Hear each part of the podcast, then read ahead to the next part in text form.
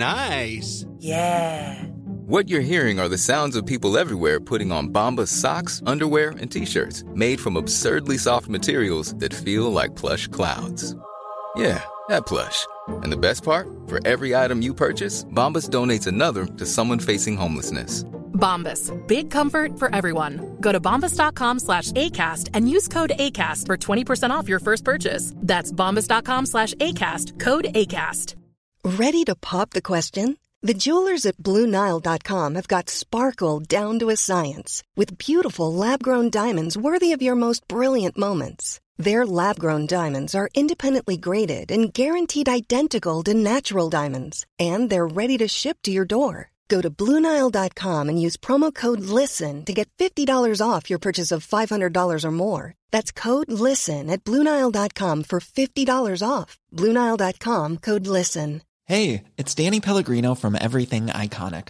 Ready to upgrade your style game without blowing your budget? Check out Quince. They've got all the good stuff shirts and polos, activewear, and fine leather goods, all at 50 to 80% less than other high end brands.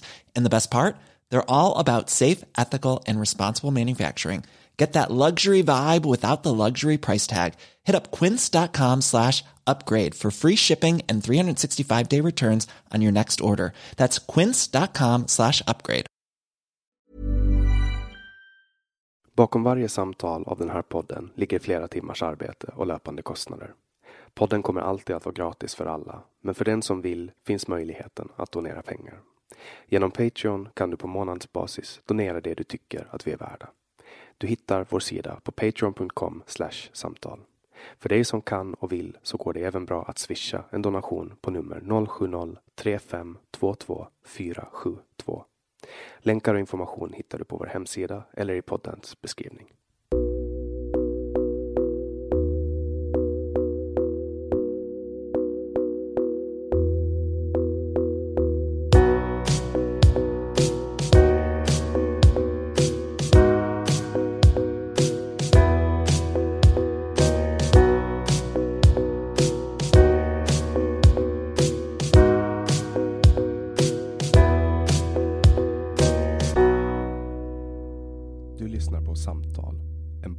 Podcast med fokus på fria samtal. Jag heter Jannik Svensson och producent för podden är Didrik Svan. Idén är att fokusera på fria samtal. Det här är ingen debatt eller någon form av duell där det finns en vinnare och en förlorare. Det här är ett samtal där vi lägger fördomar åt sidan och där målet är att minska polariseringen.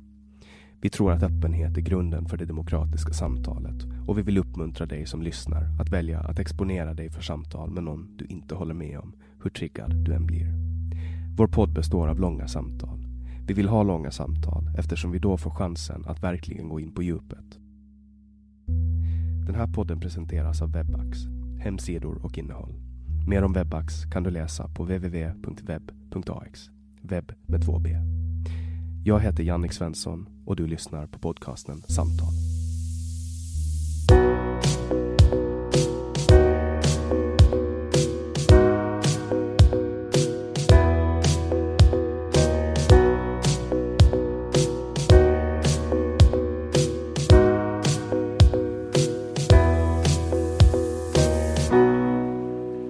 Gudiol är författare, sjukgymnast och har en master i sports science med inriktning sportmedicin. Han har även studerat till civilingenjör. Han driver sajten träningslära.se och skriver för tyngre.se samt poddar även själv i podden Tyngre träningssnack och Tyngre rubriker. Välkommen hit till vårt 55 avsnitt, Jakob Gudiol. Tack så mycket. Det är nästan exakt ett år sedan första samtalet av den här podden kom ut och nu, nu sitter du här som den 54 gästen. Nej, 55 gästen, förlåt. Ja.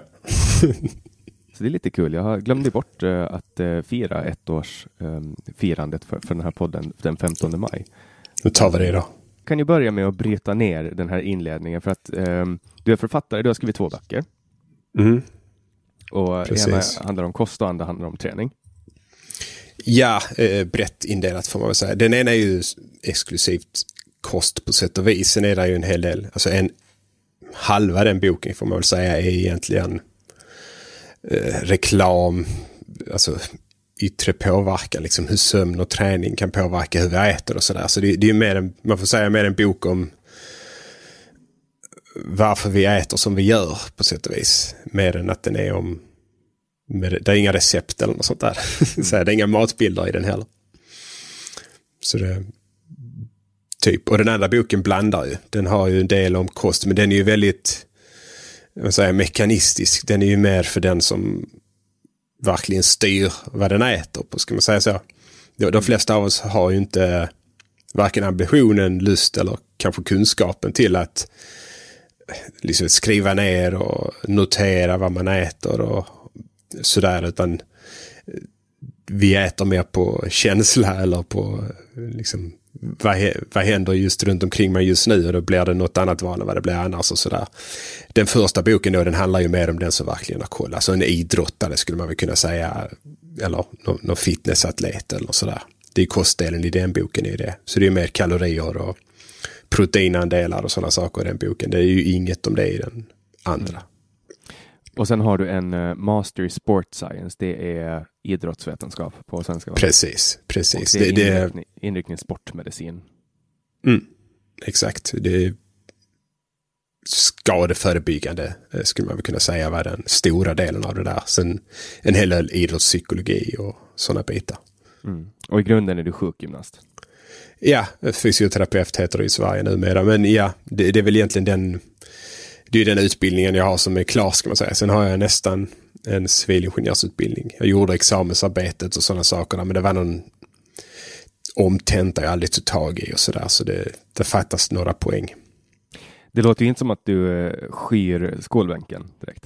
Nej, det var ju över tio år på universitet eh, i studier totalt sett. Eh, så det, nej, det är inget hade jag inte haft småbarn hade jag fortfarande studerat skulle jag säga. Och det, det ja, jag läser nu någon kurs per år fortfarande, men då är det sådana här små saker. Vet, fem poäng på 25 procent på distans. Eh, där jag egentligen inte... Där jag egentligen bara vill lära mig en sak och sen eh, några av dem går jag inte klart. Utan jag känner, ja men nu kan jag det här okej. Okay. Så struntar jag i tentan för jag, det, liksom, poängen spelar inte mig någon större roll. Utan det är ju bara att, ja men nu, nu tycker jag att jag fattar det där. Och så är jag nöjd. Och det märks ju på, på din blogg och när du poddar att du är väldigt akademiskt inriktad. För att det, ja. det enda du pratar om är ju studier. det är det man får utgå ifrån. Sen ska jag säga, det är, inte, det är verkligen inte det enda jag pratar om. Men man måste ju på något sätt... Eh, man får ju lägga ner vad vi vet först. Och sen får man ju försöka bygga ovanför det och liksom gå vidare och säga okej, okay, men baserat på det vi vet, vad skulle kunna vara rimligt efter det. Alltså hur skulle vi kunna, vad skulle kunna vara en lösning på det här när vi inte vet? Alla har ju, vi har ju ett lysande exempel på det här nu där vi tyvärr vet alldeles för lite för att kunna gissa på ett bra sätt heller. Men liksom coronaviruset här nu där vi, ingen vet för att det här är ju nytt. Men vi har ju ändå tidigare kunskap från andra situationer. Och så får man liksom lägga ner det så får man gissa utifrån det på något sätt. Så jag skulle väl säga att mm, det är ju det jag sysslar med Eh, till stora delar. Framförallt om man lyssnar på podcastarna och sådär. Då är det ju gissa utifrån det där. Men sen är det ju ett problem när det gäller kost. Kanske framförallt men även lite när det gäller träning. Att den här grunden den saknas ju hos väldigt många. Och då, då kan du ju bli en storsäljande dietboksförfattare genom att bara hitta på någonting. Alltså göra en historia eller en story som låter jättebra för den som inte har förstått grunden. Men den som sitter med grunden framför sig inser ju direkt att men det, där, det där funkar inte. För det stämmer ju inte ens med det som vi vet sedan tidigare. Och då, då blir det ju mycket det där, alltså det, det, ska du motbevisa någons eller argumentera mot någons påstående, då, då får du hoppa ner till det vi verkligen vet. Det är ju ganska meningslöst att jag sitter och eller det kan ju vara sådana debatter också, men det, det, är, det är sällan det blir de typerna av debatter inom kostvärlden då. Men där man sitter, där alla är överens om faktan och sen diskuterar vad skulle kunna vara vettigast utifrån det. Det, det är så vi vill ha debatten egentligen. Men problemet inom kost är att det, det, är alldeles för många som rör sig utanför det som är rimligt. Ska vi säga så. Ja, och jag är ju liksom, en av dem. Alltså jag vet inte, jag, jag, jag vet inte om du, eh, du, du väl blir väl mer eh, eh, alltså säga vad, vad, som funkar för mig, det får man ju lov att säga. Ja. liksom det här funkar för mig, gör så och testa det. Det, det, det är självklart man får göra det. Problemet blir ju när man ska kanske ofta förklara varför det här funkar för mig. Mm. Och så börjar man blanda in saker som ingen har mätt, ingen har kontrollerat och ingen har jämfört med om det här fungerar i andra situationer. Vi tar lågkolhydratkost då som exempel, för jag förstod att det var det du åt någon variant av. Ja. Där man har den här historien att ja, men du, du äter lite kolhydrater, du får mindre insulin och så frisätts det mer fett och så börjar man gå ner i vikt. Det kan man ju kontrollera väldigt lätt egentligen. Alltså du kan ju ta deltagare i en studie och så ger de olika kost där de får olika mycket insulinfrisättning och olika mängder kolhydrater. Och så ser vi, går de som äter mindre ner i vikt om vi standardiserar mängden kalorier? Och då gör de ju inte det. Och då, då kan man säga att det här, men okej, men då, då är förklaringen, alltså folk går ju fortfarande ner i vikt. Så det blir ju inte att nej, men lågkolhydratkost funkar inte för att förklaringen inte funkar. Så kan man inte säga. Men samtidigt kan man inte säga att lågkolhydrat funkar för den här förklaringen när förklaringen är fel. Hänger du med på resonemanget där? Att man måste hitta en förklaring som kan Exakt. förklara alla situationer. Exakt, och där är ju grejen som jag tror att många saker går ju inte att förklara. Alltså det finns ju till exempel um, jag, jag, tror ju att det här med, med kol, kolhydrat, lågkolhydratkosten funkar för att de människorna som är lagda, jag tror inte att det finns en kost som, som passar alla. Men, men jag tror att den här högfettdieten gör att de människor som den passar för börjar må mycket bättre och därför börjar man automatiskt röra sig mera. Man kanske stiger upp tidigare på morgonen, man får mera, men man äter mindre, man känner sig mätt tidigare. Jag tror att det är en kombination av många olika saker och för mig är det egentligen oväsentligt varför det funkar. Huvudsaken är att det funkar. Eh, mm. Men sen går jag in i perioder där jag inser saker som till exempel periodisk fasta. Jag vet att du var lite tveksam till periodisk fasta i ett inlägg för, för något år sedan, men, men eh, det till exempel är någonting som, som fick mig att må väldigt bra. Alltså, mm. och, och då är det för mig egentligen oväsentligt varför jag mår bra, så länge jag mår bra. Men sen är det, det såklart att man, man vill ju frälsa folk, så är det ju alltid när man hittar någonting som funkar. Det... Precis, och där, där, tror jag problemet blir att många går över istället för att bara säga att ja, det, det funkar för mig. Det, det är ju inte, det är inte särskilt säljigt. Utan då, då, ska man försöka övertyga och då, då hamnar man egentligen på de här, alltså man ska ge en mekanism till var, varför det förklarar och då, eller varför det fungerar. Och då måste du ju på något sätt säga att som tak, det är ju inte särskilt sexigt att sälja in till någon. Men det, om du bara slutar allt, äta allt det där du tycker om så kommer du gå ner i vikt för att, så, ja men det, folk tycker ju om kolhydrater generellt sett, alltså många grejerna där. Och, och, ska du sälja in det då, bara sluta äta det där för att börja äta mindre. Ja. Mm, det blir ju inte alls så säljigt, så då kommer ju hela den här historien, det är ju därför lågkolhydratböckerna sålde enormt mycket för en, ja det är ju en tio år sedan ungefär, då hade de liksom hade du topp 10 dietböcker så var ju åtta av dem lågkravskostböcker i princip. För att historien blev så otroligt bra. Liksom, du har fått lära dig allting fel, du har blivit lurad. Man hade liksom många av dem som var liksom i dietvärldsträsket då, alltså de 30 till 50 år där kanske då. De hade ju växt upp kanske när det var mer, alltså allt skulle vara light och sådana här grejer på 80-talet och så, 90. Och då kunde du sälja den här historien att allt det du lärde dig var fel. Det handlar liksom att insulinet, fri, liksom insulinet gör dig tjock. Du måste få ner insulinet och så blir du liksom höjs energiförbrukningen, fettförbränningen höjdes. Man hade många olika förklaringar där, bara det var alltid insulinet skulle ner. Och det är klart, det blir en jättebra säljande historia sådär, men det, den, Problemet är att varje gång vi testar den så håller det inte. Och det spelar ingen roll egentligen vilket, hur man vänder på argumentet. Man har gjort studier där man har tittat på, okej, okay, blir det skillnad i energiförbrukningen? Då låser man in folk. Och så ger man dem en bestämd mängd kalorier. Så vi kan ha liksom 10 personer i en grupp, 20 personer i en Alltså det blir ju småstudier. Vi ska låsa in dem, vi ska ge dem deras lön och vi ska ha lokaler, någon ska laga maten till dem och sådär. Men man, det är väldigt välkontrollerade situationer. Och så ger man människor olika mängder kolhydrater. Då får de olika insulinfrisättning. För det är ju främst kolhydraterna som styr det. Även om fett och protein kan påverka så är det ju kolhydrater är den stora grejen. Och då ser vi att oavsett hur liksom insulinet sticker iväg och sådana här saker så blir det ingen skillnad i energiförbrukningen. Och då, då, då har vi ju liksom visat att okay, det var inte energiförbrukning. Men det kan ju vara andra saker som du sa här. Man mår bättre och man kanske känner sig mättad och sådär. Och då, då gör vi andra studier där man låser in folk. Och så istället för att vi ger dem en bestämd mängd kalorier och ser vad som händer med energiförbrukningen så kan vi eh, säga till dem att ja, men ät tills du blir mätt. Och så ser vi vad som händer då. Det blir ju en annan sak man studerar då istället för att vi studerar, jag ska säga, istället för att studera fysiologin på något sätt, eller eh, inte fysiologin, men energiförbrukning, så ser vi förändras intaget, fungeras mättnaden och så här. Och där har man också gjort studier. Det publicerades en studie här nu bara för någon, är det, två veckor sedan och sånt där, där man hade låst in folk i två veckor en grupp fick eh, en ketogenkost, 82 animalier, så det var lite grönsaker och sådär. Liksom, de gröna grönsakerna, så inte de där starkelserika grönsakerna. Och så hade vi en annan grupp som fick en vegankost som var väldigt låg i fett. Alltså jag tror det var 10, 12, 15 procent något sånt där fett. Och så lät man dem, då ställde man fram dubbelt så mycket kalorier mot vad de behövde varje måltid. Så om de normalt sett, en person normalt sett äter 700 kalorier till frukost så ställde man fram 1400 kalorier så alla fick för mycket mat. Och så var det enda direktivet till dem, ja men ät tills du känner dig belåten.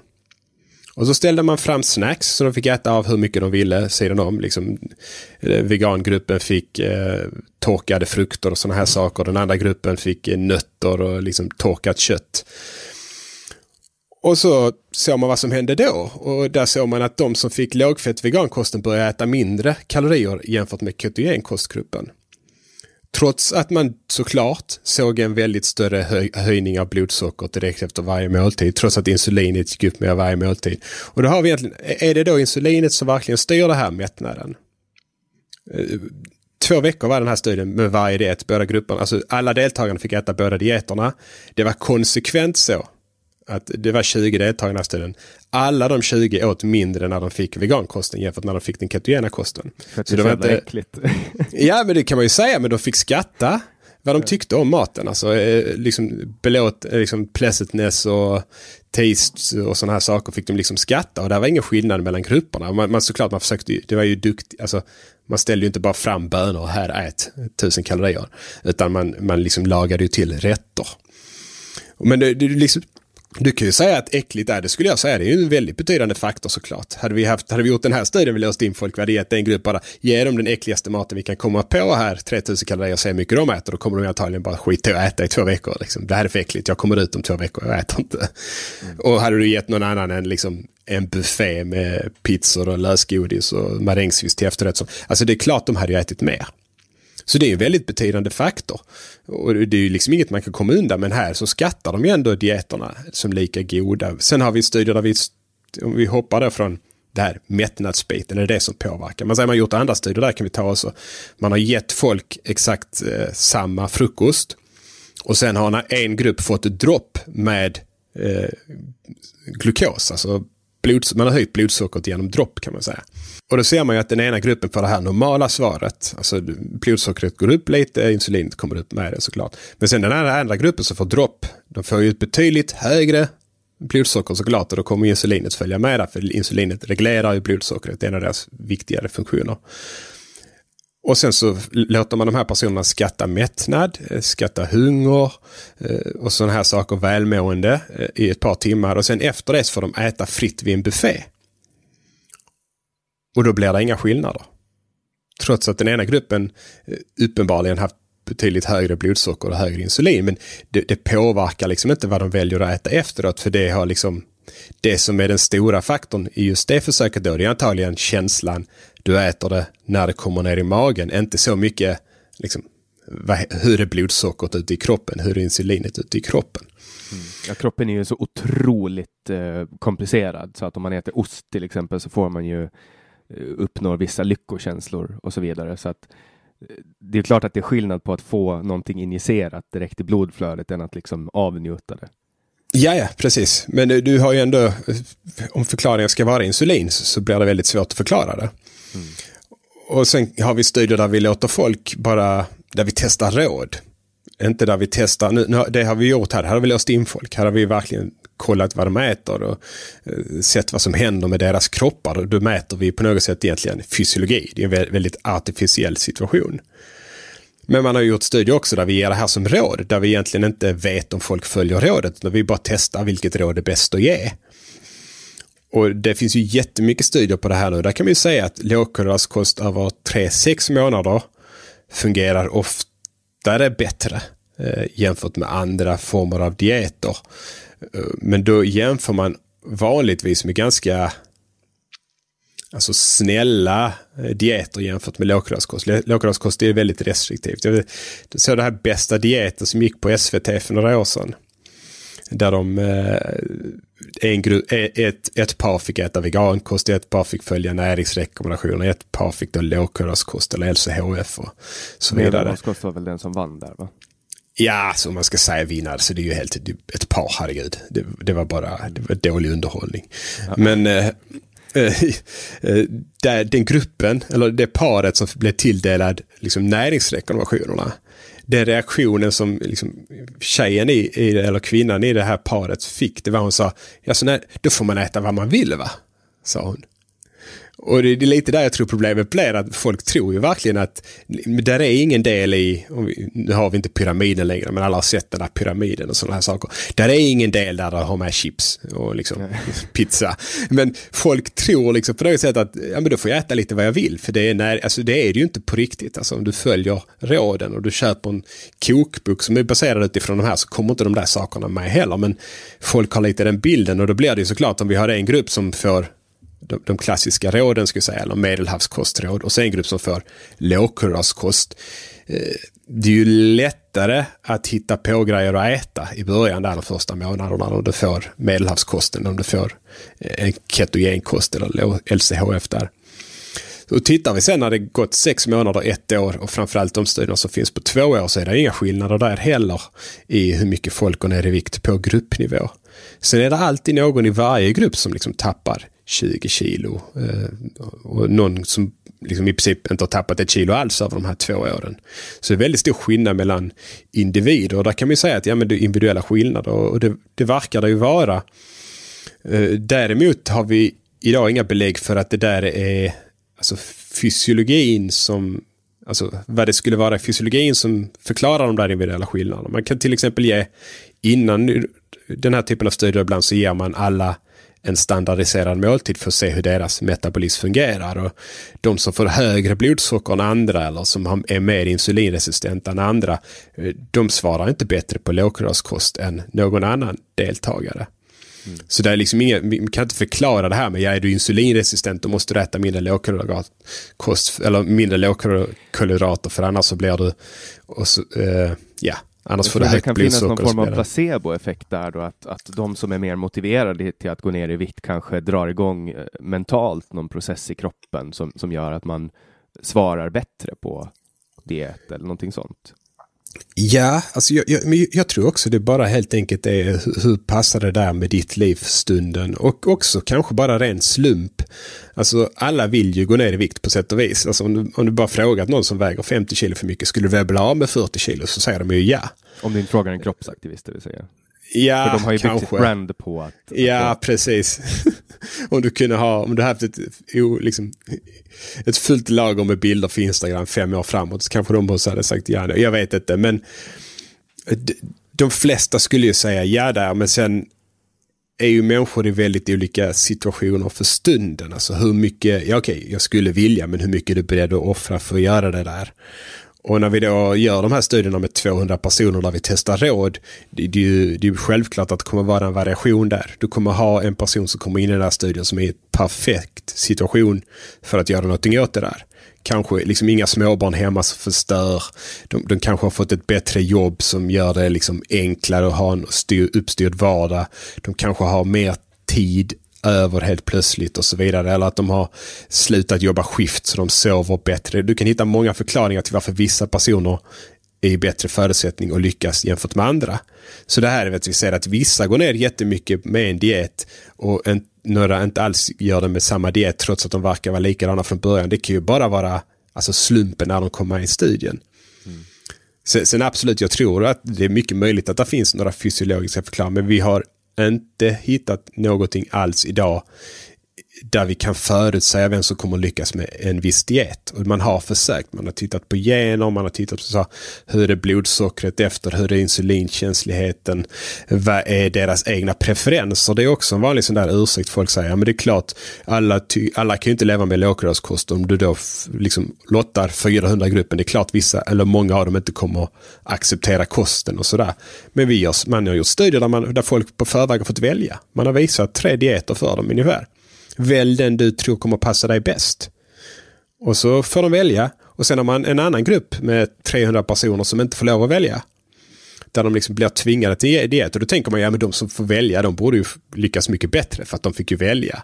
Men det blir tvärtom. Mm. Om något, alltså det blir väldigt liten skillnad generellt sett. Men om något så blir det faktiskt lite bättre resultat för de som inte fick välja. Och där tror jag vi kommer tillbaka till det här, de tyckte inte om kosten lika mycket så de åt inte lika mycket av den. Ja. Men med tanke på allt som vi vet om just det här med att folk är individer, för att det vet vi ju med säkerhet. Det är bara att kolla på alla människor som finns i hela världen så ser vi att det finns ett unikt exemplar av alla. Och då är det ju också ganska rimligt att, att bara anta att alla har en form av individuell kost som passar bäst.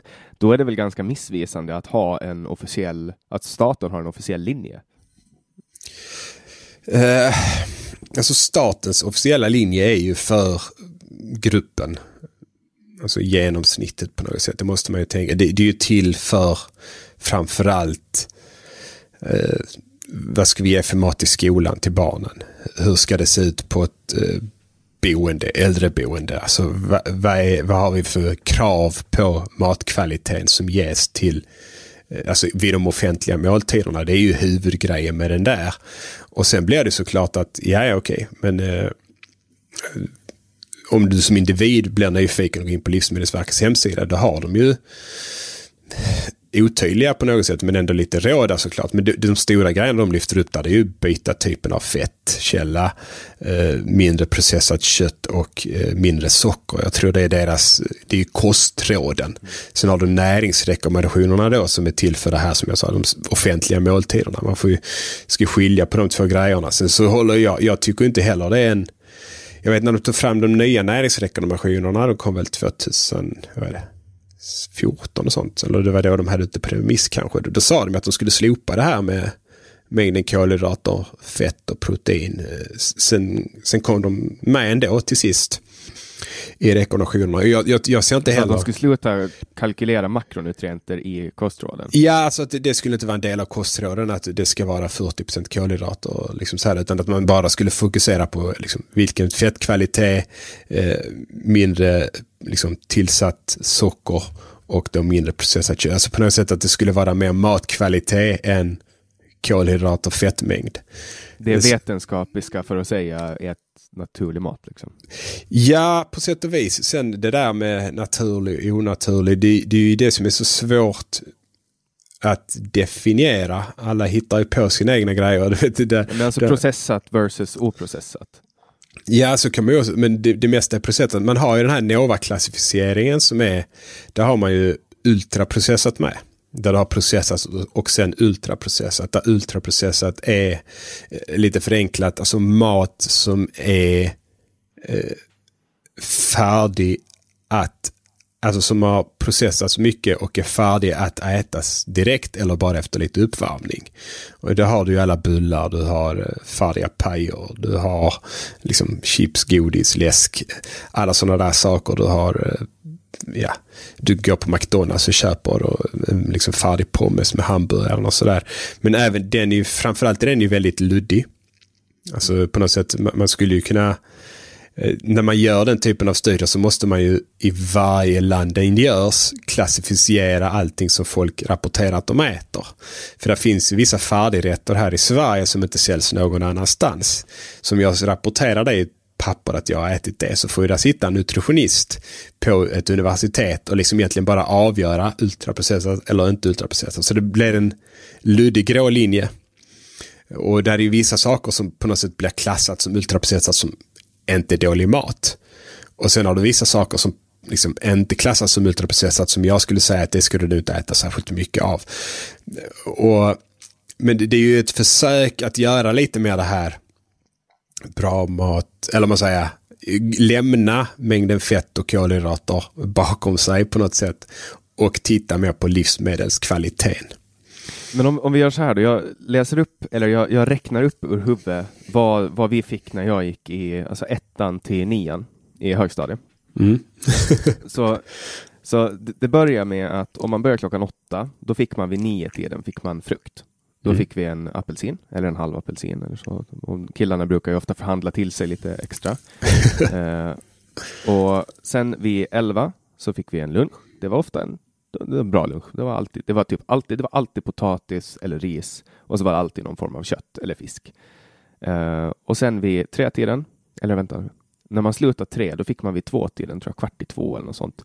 Då fick vi eh, mellanmål. Och det är det här Mm. mellanmålet jag tänk, som jag främst tänker på. Det var antingen yoghurt med eh, müsli, men det som det oftast var var cornflakes med mjölk och jordgubbssylt. Mm. Hur får du, vad, vad tänker du när, när du tänker att man ger 300 barn cornflakes med jordgubbssylt och lågfett mjölk? Det där är ju jättesvårt sådana saker. För det, där är ju någon...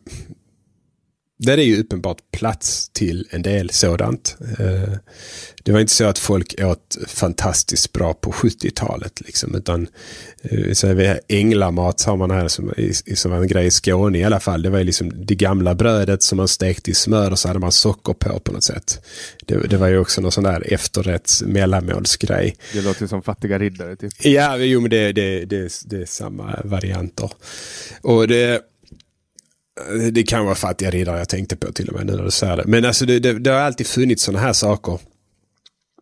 Och eh, Men det här Det- var alltså tio år sedan. ja, ja, och jag åt ju liknande när jag gick i skolan. Det, det var liksom väldigt få överviktiga barn sådär annars. Men det, det är ju klart, vill du göra det ännu bättre så ska ju inte det vara med.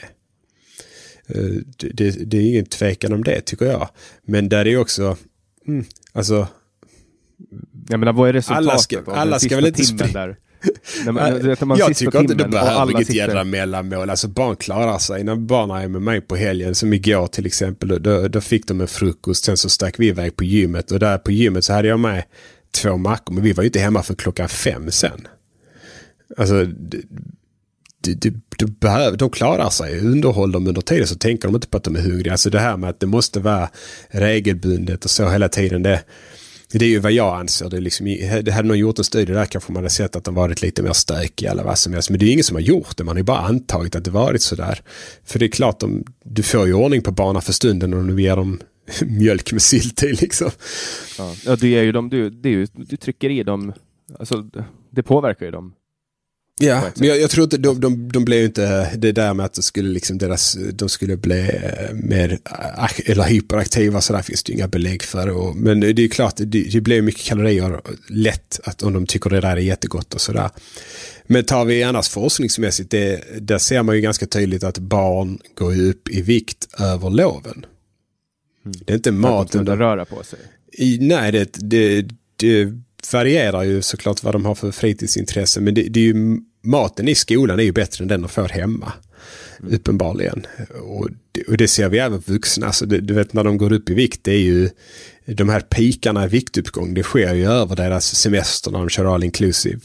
Det, det sker över julhelgerna. Det, det kan ske lite över påsken i de delar av världen där påsken är liksom en lite större grej. Eh, Men kan det också vara så att maten är äckligare i skolan, att de äter mindre? Ja, absolut. Det, det tror jag. jag. Jag försöker inte göra maten god här hemma. Det finns ingen orsak till det. Det ska vara ätbar.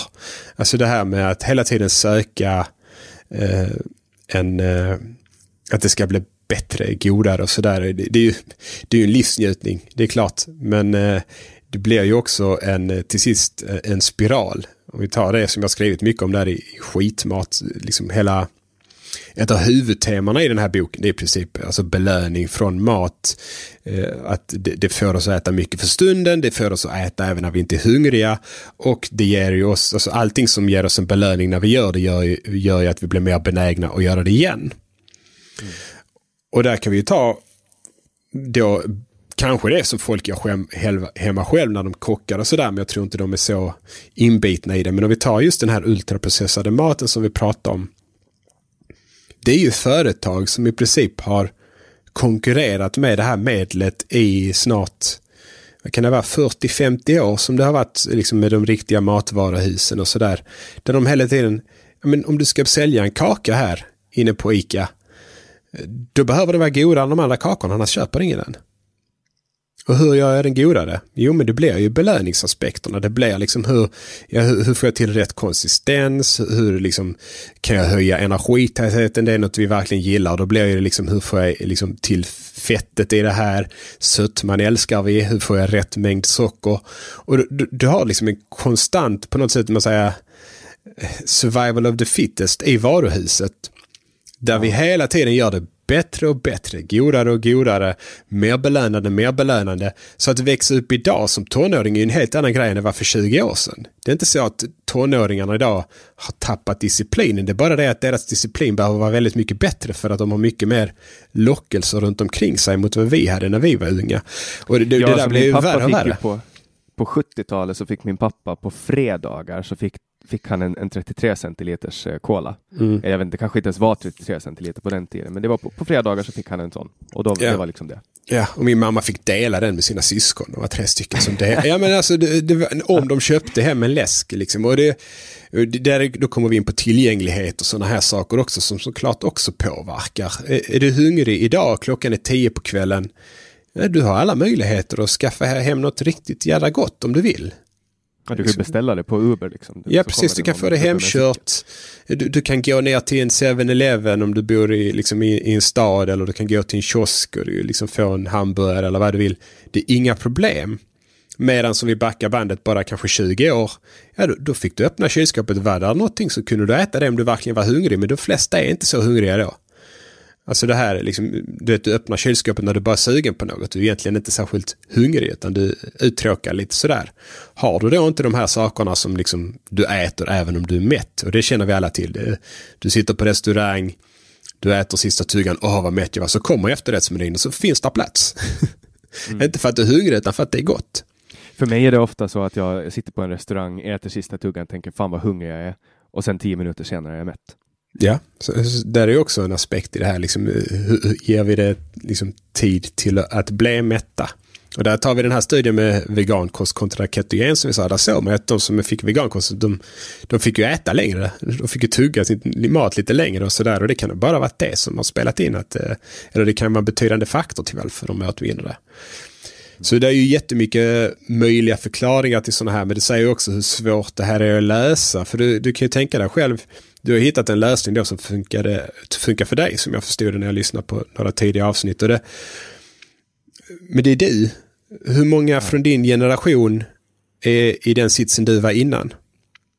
Det är väldigt få. Eller alltså så här, det är väl 15 procent ungefär som var grovt överviktiga. Ja, men väldigt få. Det, det är ganska många. Och du kan tänka ja, det, och det, men det beror på. Alltså det är 85 procent ja. är ju inte. Nej, men vi ska ändå...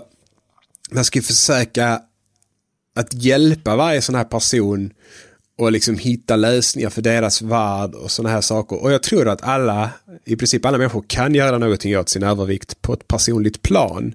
Men man ska ju vara medveten om att det är en väldigt svår process och vissa har det ju väldigt tufft i vardagen eller vad som helst som gör att det blir svårare för dem att liksom bara, om vi ska säga, liksom hålla disciplinen eller förändra rutinerna.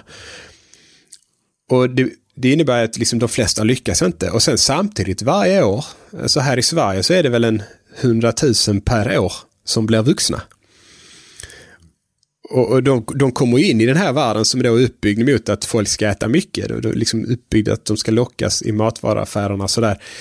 Och det innebär att vi, vi förlorar ju kampen även om man hjälper på individnivå. Och, äh, där finns alltid de med sina exempel som har gjort sina egna dieter som liksom verkligen liksom då mässade ut lite sina egna dieter och så här för att det funkade för dem. Men, och de kanske når några människor såklart. Men det, det uppenbara är ju hela tiden att trenden blir att vi får större och större andel överviktiga och större och större andel med fetma. Och det är liksom vi i Sverige ligger ju ändå ganska mycket efter eh, många andra delar av världen när det gäller den utvecklingen. Men vi har ju ändå mer än halva befolkningen överviktiga. Så det här med att säga att man har det, det rätta den rätta dieten och hade folk bara följt den eh, det är ju där problemet är. Alltså folk följer ja, ju inte där den. Har jag, där har jag, det har jag också fått lära mig den hårda vägen. Um, min fästmö eh, testa exakt samma diet som mig och hon mådde skitdåligt. Mm. Alltså hon grät nästan när hon, när hon eh, var klar och jag mådde hur bra som helst. Mm. Och sen testade jag hennes diet och det funkar inte alls. Så att, men men jag, jag köper ingenting förrän jag har testat det själv, men det har nog bara med min personlighet att göra mera. Eh, Ja, men alltså, du, och någon säger att den här dieten fick mig att gå ner i vikt och må bra, då, då kan du ju prova den. Eh, Däremot så ska du inte köpa förklaringarna till varför. Det, det är där problemet är. Eh, Tar vi till exempel nu, nu har det ju lugnat sig lite i Sverige, nu är det ju mer det här antiinflammatoriska kostspåret som på många sätt kanske är, är sämre när vi, när vi pratar det här neurotiska. Men ett, ett stort problem när LCHF var som störst det var ju att du kunde gå in på de här grupperna på Facebook eller eh, forumen som kanske var lite större grejen på den tiden då när det var bloggar och så. Och så var det folk som skrev, men du, nu har inte jag ätit mer än 20 gram kolhydrater per dag i två månader och det händer ingenting med vikten. Det de får som svar då, det blir ju utifrån den här felaktiga modellen där det allting handlar om insulin. Så istället för att någon säger, ja men du, du äter för mycket, försök att hitta saker som gör dig mätt eller försök att hitta, eh, du kanske sover lite för lite så att du har för stor aptit eller att du, liksom, du känner det här suget som man kan få när man är trött trots att det egentligen inte är matgrejer eller, eller vad som helst. Istället för att få andra livsstil så blir ju det de får som svar, du gör någonting fel. Har du glömt att räkna några kolhydrater där? Du kanske måste ja, plocka bort nötterna och du, du måste plocka bort mejeriprodukterna för att de kan frisätta insulin de med. Eller så kommer det här att eh, du får inte ha lightprodukter för det frisätter insulin. Det, det, det är ju falskt dessutom men de blir Ja, misstrodda. Där, där har man ju också där, där har jag också testat själv. Alltså jag har ju testat massa olika saker, men för det, det sättet när jag har varit inne i mitt inom citationstecken vetenskapliga spår där jag testade, då har jag te- testat själv med blodketonmätare och mätt Mm. beta-hydroxybutyrathalten i blodet i, i millimol. Mm. Och då, då märker jag ju att till exempel ha, har jag eh, druckit sötningsmedel, då minskar beta-hydroxybutyrathalten i blodet. Jag vet inte varför. Eh, samma om jag äter för mycket protein, då, då sjunker det också. Men håller jag mig till, till en hög fettdiet och, och, och främst när det kommer till mellanmålen, istället för att äta ett mellanmål med protein så tar jag en sked kokosolja eller en bit smör. Då, då, då funkar det liksom. Mm. Men sen förstår jag ju att det är väldigt få människor som klarar av att, att hålla det på en sån nivå. Men jag har ju inget, jag har ju inget val. Jag har en, en sjukdom, alltså en psykisk sjukdom. Jag är bipolär. Och, och så fort jag tar in kolhydrater så flippar jag. Alltså, Mm. jag, jag tappar det helt enkelt. Eh, så att eh, där vet jag liksom, jag har fått så mycket konsekvenser i livet av att äta. Jag går ju upp, alltså för ett år sedan ungefär så, så ja, i juni förra året, eller om det var juli, så började jag äta kolhydrater igen. Det började med att jag fick i mig av misstag och sen bara du vet, så aktiverades mitt beroende och bara helt djuriskt så slet jag i mig kolhydrater tills jag hade gått upp 30 kilo. Förrän jag fattade att du vet, alla mina kläder, jag kom inte i något par av mina kläder och bara alltså och du vet helt tappa kontrollen. Och det, det har ju också med beroendet att göra. Att väldigt många människor som är grovt överviktiga är beroende också och kan inte klassas som normala. För att en Mm. normal människa gör inte samma misstag om och om igen. Nej, det, det är mycket intressant kring det här med beroende. Man, man, man, bråkar ju om det kan säga, forskningsmässigt om hur, hur man ska klassificera de här sakerna. Men det finns ju sådana här frågeformulär som är utformade i princip som eh, andra formulär kring beroende på något sätt. Eh, och där är det ju många människor som uppnår de här klassifikationerna för eh, det, det som liksom, vad heter det? DSM tror jag den heter Eh, det som de klassar då för liksom beroende. Det här att man, man, man fortsätter trots att man tycker att det skadar en själv. Man har liksom prioriterat bort andra saker i livet för det. Och, eh, mycket i den typen av frågor. Att man har försökt sluta men inte kunnat sluta och sådana saker. Men eh, tittar man där på liksom befolkningen i stort så är det ju väldigt olika saker de klassificerar som problematiska. Sen så är det ju choklad och pizza ligger ju i topp på de flesta listor eh, när det gäller liksom vad de har försökt sluta med och vad de äter för mycket, mer än de planerat när de väl äter och sådana saker. Och Men, det var ju min go-to så fort jag tog mitt återfall. Det var ju pizza och choklad liksom. Ja, och det är ju jättegott men sen samtidigt, det är ju inte... Det innehåller ju kolhydrater men det är ju inte kolhydratskällor skulle jag säga. Som pi- pizza kan ju ligga på 40-50% kolhydrater. Det är ju mer än vad liksom den här klassiska rekommendationerna säger och, och choklad är ju samma grej.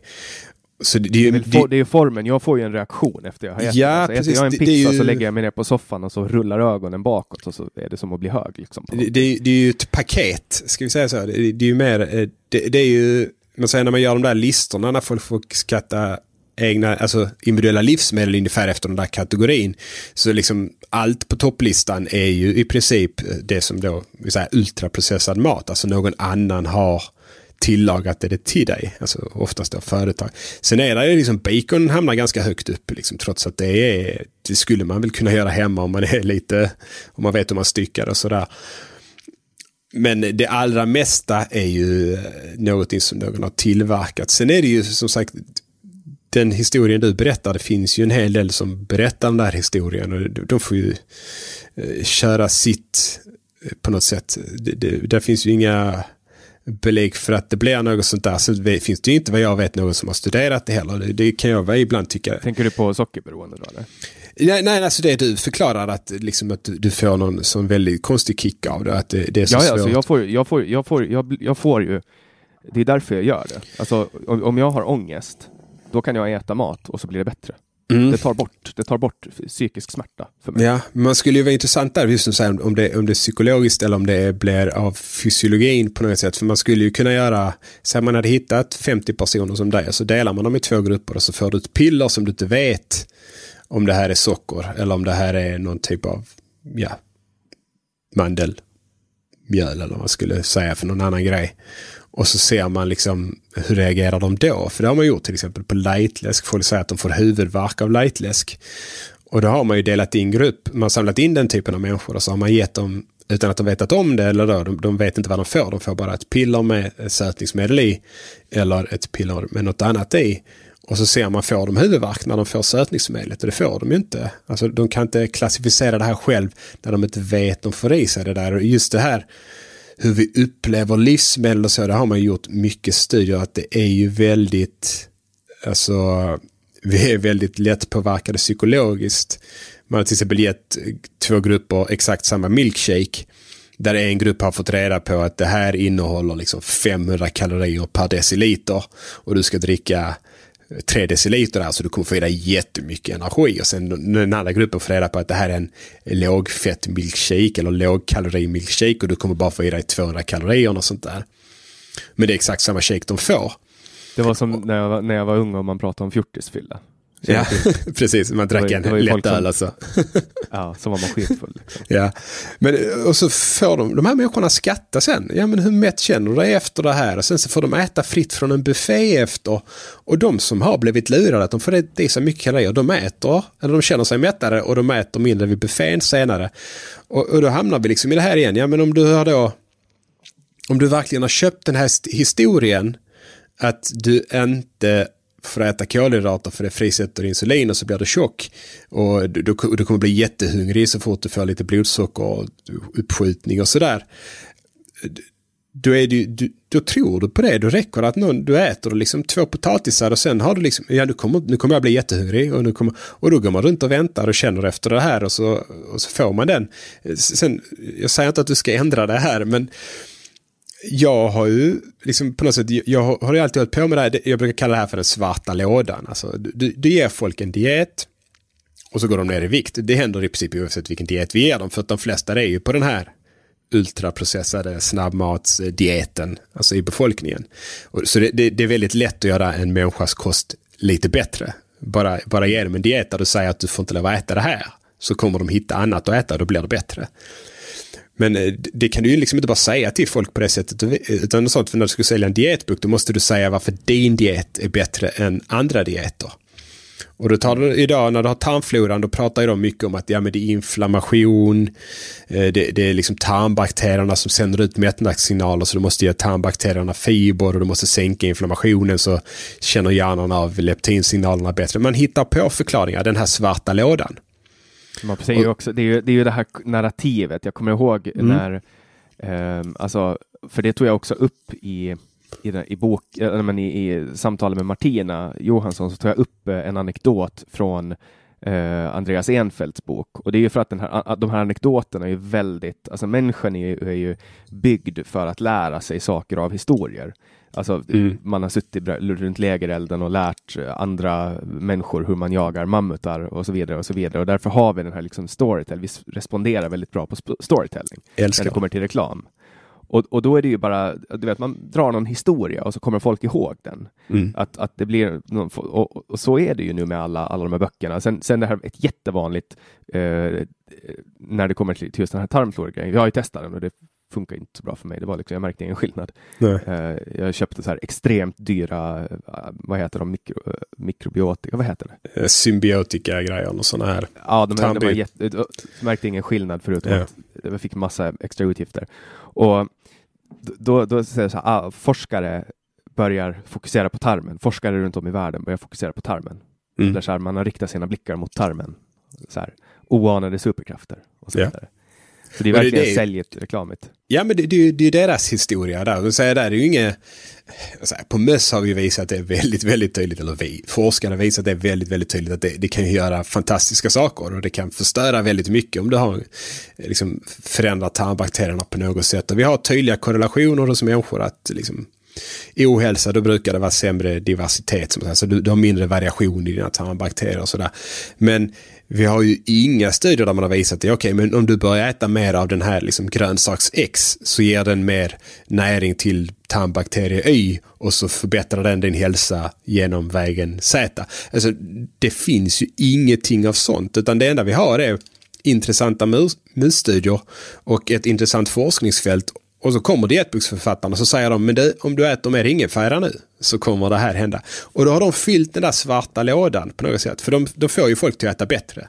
Alltså det, det är, ju, det är enormt mycket grönsaker. Så här. De, de är ju mot gluten och sådär. Så, så all, alla veteprodukter, nu vet jag ingen statistik för Sverige, men jag tror det är typ 55 procent av alla alltså, produkter som säljs i ett varuhus i USA innehåller vete. Det, det, det är ju liksom basen. Det är vidrigt. Ja, men alltså det är ju bara, det, det, det är 60% socker och sådär. Men det är ju inte, man köper ju inte alltså randomiserat bland de grejerna.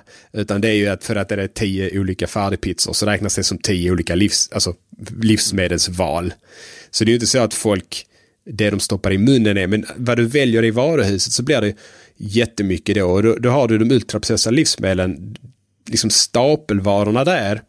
Det är ju vetemjöl, det är socker och det är någon typ av fett, vanligtvis de vegetabiliska för det är ju de som är billiga.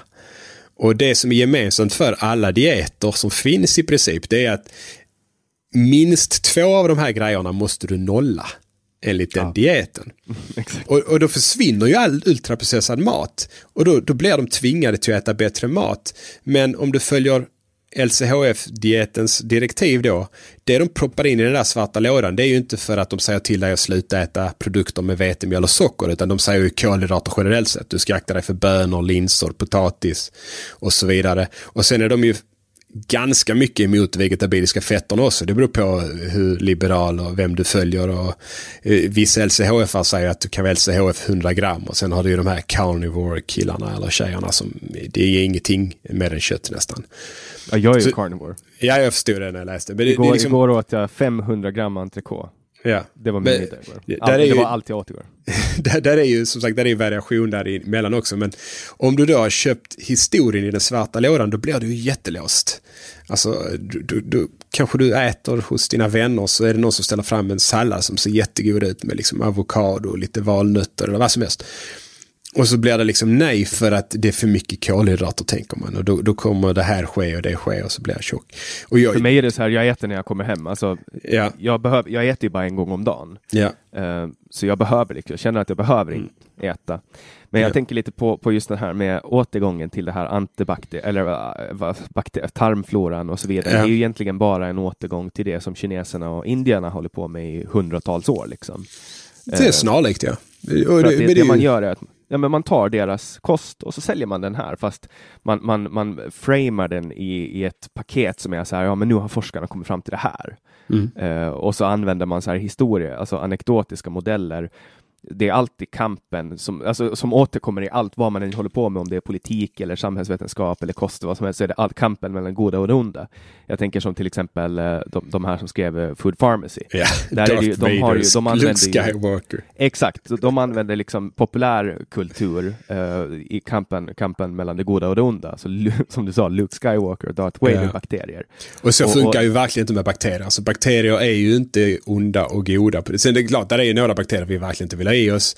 Och där finns några som verkar göra nästan bara gott. Men det mesta av dem är ju en dosfråga. Alltså, Ja, men det är ju ett sätt, det är ett sätt för dem att, att förklara, alltså att förmedla Precis. budskapet. Om, om du skulle förmedla ditt budskap, om vi tar något av dina blogginlägg, nu är de, de, de är alltid så här De är långa. såg att uh, testpro- testpersonerna fick eh, så många kolhydrater per gram kroppsfett, typ så. Mm. Och då, då är det ganska så här, ja men man behöver en viss baskunskap för att kunna läsa det, för att kunna ta till sig det och man behöver vara lite innördad. Men, men om jag istället skulle skriva samma sak som du gjorde och gjorde det som journalist och så ska jag dela in det ehm, på, på ett, alltså bara använda de här gamla narrativen, de här gamla förklaringsmodellerna eller, eller kvällstidningsjournalistik. Superdieten, så kan du, eller forskaren, eh, forskares nya upptäckt, eh, förbluffande kostförändringar gjorde, alltså eh, allt handlar ju om hur man säljer det. Men, Ja. men det man säljer gång på gång, alltså gay-grejen, det var ju ta Atkins och sälja det på nytt. Och så kom LCHF och det var att ta... GI var ju från eh, början var ju egentligen, det tog främst bara för diabetiker för att de skulle ha koll på hur mycket insulin som behövs beroende på typen av kolhydrater och inte bara mängden som man räknade på förr. Sen, eh, så från början när GI-dieten kom då var det ju bara fokus på typen av kolhydrater. Sen så började det mer och mer smyga mot att bli mindre mindre kolhydrater. Sen kom LCHF och de som fortfarande var i GI-svängen ska man säga för att fortfarande hålla sig aktuella så börjar ju de köra introveckor utan kolhydrater alls för att liksom nolla GI och sådär. Så allt det här har ju flytit efter varandra. ja. Sen Men det är efter samma, det är ju LCHF samma dieter som återkommer med nya namn. Ja, alla har ju det gemensamt att det är ju inte socker, och det är inte tillsatt fett och det är inte mjöl i, som tillåts på något sätt. Det har de ju alla gemensamt. Annars är de ju mer vidare. Tar du paleo eller stenålderskosten, den slog ju aldrig riktigt så mycket i Sverige, men den var ju väldigt stor i USA där den kom efter Alltså LCHF-trenden som var där runt 2003-2004 var det ju väldigt mycket lågkolhydratkost i USA. Och när det här kom, paleo och stenålderskost, då behöll de ju från början så var ju deras, alltså dietboks paleo, det var ju lågkolhydratskost, men de la till det här att du skulle inte ha mejeriprodukterna, du skulle inte ha gluten då, alltså de, de tryckte mer på gluten och de tryckte på kolhydraterna generellt sett, men det var fortfarande lågkolhydratskost. Sen börjar man släppa mer på kolhydratsmängden. Att det, ja okej, kolhydrater, ja men det är klart. Till sist så kommer ju datan, har den tryckts upp i ansiktet för mycket på dem att det är uppenbart, okej, folk åt kolhydrater förr också. Och då, då börjar de liksom släppa på den biten och så börjar de trycka mer på gluten och mjölk. Och eh, tillsatta fetter ska jag säga här också, för det, var ju, det är ju inte stenhårt. Man kunde ju inte ha solrosolja på för 10 000 år sedan av naturliga skäl. Det är jobbigt att sitta och pressa det för hand där. Så det, då börjar man trycka mer på det. Sen efter det så kom det här nya påtryckningarna då med säga, lite mer eh, antiinflammatoriskt, eh, det vi har i Sverige här. Och då, då börjar man liksom lämna mer köttet åt sidan och så börjar man trycka mer på antiglutenbiten, mer på mejeriproduktsbiten, mer på liksom det, det här. Så du ser dieterna följer ju varandra, de är ju olika, men de har ju, om du ska, skulle jag sälja en bok idag eh, som ska vara säljig, inte som min bok har sålt bra ska jag säga, jag ska inte klaga för mycket, men om jag ska ha den här riktiga storförsäljaren, liksom då 100-200 000 ex som Food Pharmacy antagligen ligger uppe på nu, då måste jag bygga vidare på vad folk tror är sant. Och då Inte ska, vad som stämmer. då ska det ju sälja det så här typ som eh, kostkampen. Vilken Ja. diet är den bästa enligt forskarna? Precis, och jag måste ju bygga vidare på att gluten är dåligt och att socker är ett gift på något sätt. Det, det, jag kan inte lämna det, för människor tror ju att de vet jättemycket. Eh, De har ju sina förklaringsmodeller och om de börjar läsa min bok och den börjar liksom bryta mot det här för mycket, då, då slutar de tro på mig. Så jag måste på något sätt, jag måste bekräfta deras tro genom att behålla ganska mycket punkter från den tidigare poppis-dieten. Och sen måste jag hitta egna grejer som är väldigt säljiga som gör min diet ny. Samtidigt som jag fortfarande inte får lov att säga till folk att äta saker med tillsatt socker, tillsatt fett eller eh, liksom eh, vetemjölsgrejerna då. Och det är ju där liksom dietvärlden fungerar. Men problemet med det, som vi tar här med den svarta lådan då, det är att du låser ju folk vid eh, en en sak för att det är din diet som ska vara bäst. Eh, som sagt, du, får fortsätta med din diet, men jag, jag har ju, får ju ganska regelbundet mail från folk och eh, jag har till och med blivit stoppad på stan från folk som liksom kommer fram. Äh, jag, jag lyssnar på det på ett tack, du fick mig att sluta äta LCHF. Och det, det, jag vet, det var en som gick fram och sa det exakt så, så sa jag, jag hoppas du inte gick tillbaka till det du åt innan. Så sa han, nej, nej, nej, jag börjar, jag börjar liksom bara våga äta potatis och så igen när det bjöds. Mm och det säger, du är ju, alltså, som du beskriver din situation så är det ju väldigt, du sticker ut väldigt mycket. De allra flesta som har börjat äta åtstramningskost, de, de känner att de behöver vara så strikta. De kan liksom bryta det på helgerna, de tycker bara att det är en livsstil som passar. Alltså de enda jag har träffat som, som är som mig, det är typ, ja men det är folk som har skrivit till mig, eh, typ alltså många, många som jag har pratat med, eller många, det är väldigt få, men, yeah. alltså folk som har varit på behandlingshem för ätstörningar. Jag har ju ätstörningar, alltså mm. binge eating disorder. Uh, så det är ju en, det är en psykisk störning, antar jag. Det, det, där är, man vet, där är genetiska grejer också. Både när det alltså egentligen alla ätstörningarna. Anorexia, så det är inte så välstuderat än. Men det är, det är vissa som är betydligt mer benägna att få de här sakerna än andra. Så det, är inte bara... Ju, det finns liksom inget stopp för mig. Mm. Alltså när jag börjar äta, då, då kan jag äta tills det inte går att få in mera. Och sen har jag också, det här i kombination med, med fobi för att kräkas. Mm. Uh, så att jag kan liksom inte kräkas. Enda gångerna som jag kräks det är i princip när jag alltså, mår riktigt, riktigt dåligt, magsjuka eller liknande. Uh, och, uh, det, är inte som, det är inte som många andra som har lider av anorexia till exempel som, som går och spyr två gånger om dagen och det är en del av deras dagliga rutin utan jag mm. har verkligen svårt för det och det är det som gör att det blir en binge eating disorder. Att jag håller allting kvar i magen.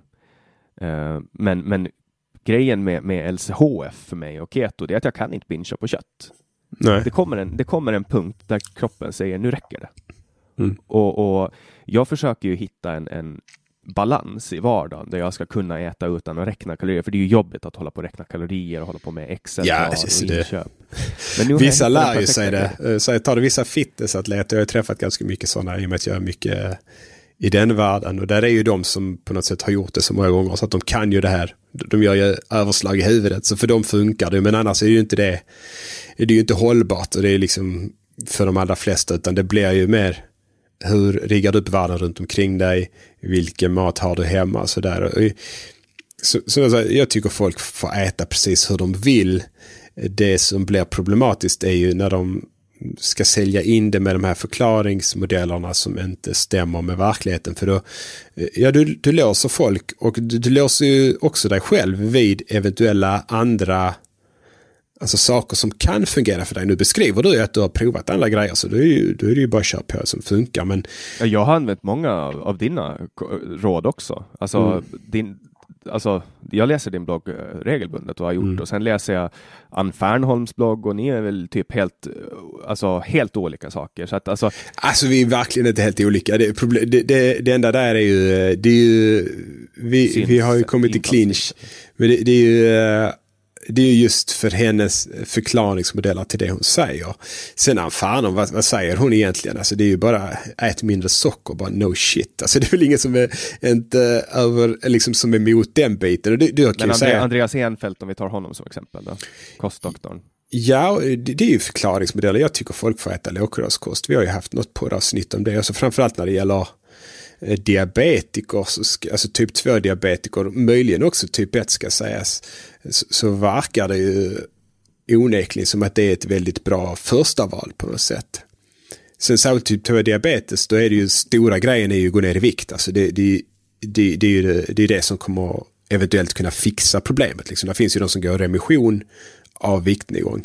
Men om inte det lyckas, och man kan ju få viktnedgång genom lågkolhydratkost, så det, det har liksom inte besvär med det. Problemen blir som sagt när man eh, hur man framställer det här. Jag tror det är väldigt mycket därför som lågkolhydratkost inte alls är så accepterat kanske som behandling inom just både övervikt generellt sett men framförallt åt diabetiker. Just för att förespråkarna är rent ut sagt antivetenskap. Alltså de, de, de håller vid sin felaktiga förklaring och de är, vad ska man säga, vad, är det svenska ordet? Contrarians, alltså de ska bara vara emot på något sätt. Ja. Eh, du ser en hel del av... Haverister? Ja, ett riktigt, haverister. Du, du, inte bara vilja förstöra utan mer att de är emot allt som ska vara etablerat. Så en hel del av dem har ju liksom varit eh, kallat liksom, coronaviruset för vanlig influensa och så här nu på Twitter. Liksom, och eh, liksom försökt spela ner det liksom emot allting som etablissemanget säger oavsett vad. Och Eh, då, då kanske hamnar lite rätt där med dieten på något sätt. När, ett, från början så har det ju varit uppenbarligen så här i efterhand alldeles för mycket emot lågkolhydratkosten. Men när det blir de som blir de högljudda förespråkarna, när det är de som också lyfts fram av rimliga personer får man säga. Tar det kostdoktorn så tycker jag väl, han, vi har ändå pratats vid live någon gång så här, han verkar ju trevlig i alla fall. Liksom inte så. Han, kan ju, han kan ju säga saker som drick grädde. Ja, ja men det kan alltså... Folk blir ju helt galna. Ja, men det, alltså, ja.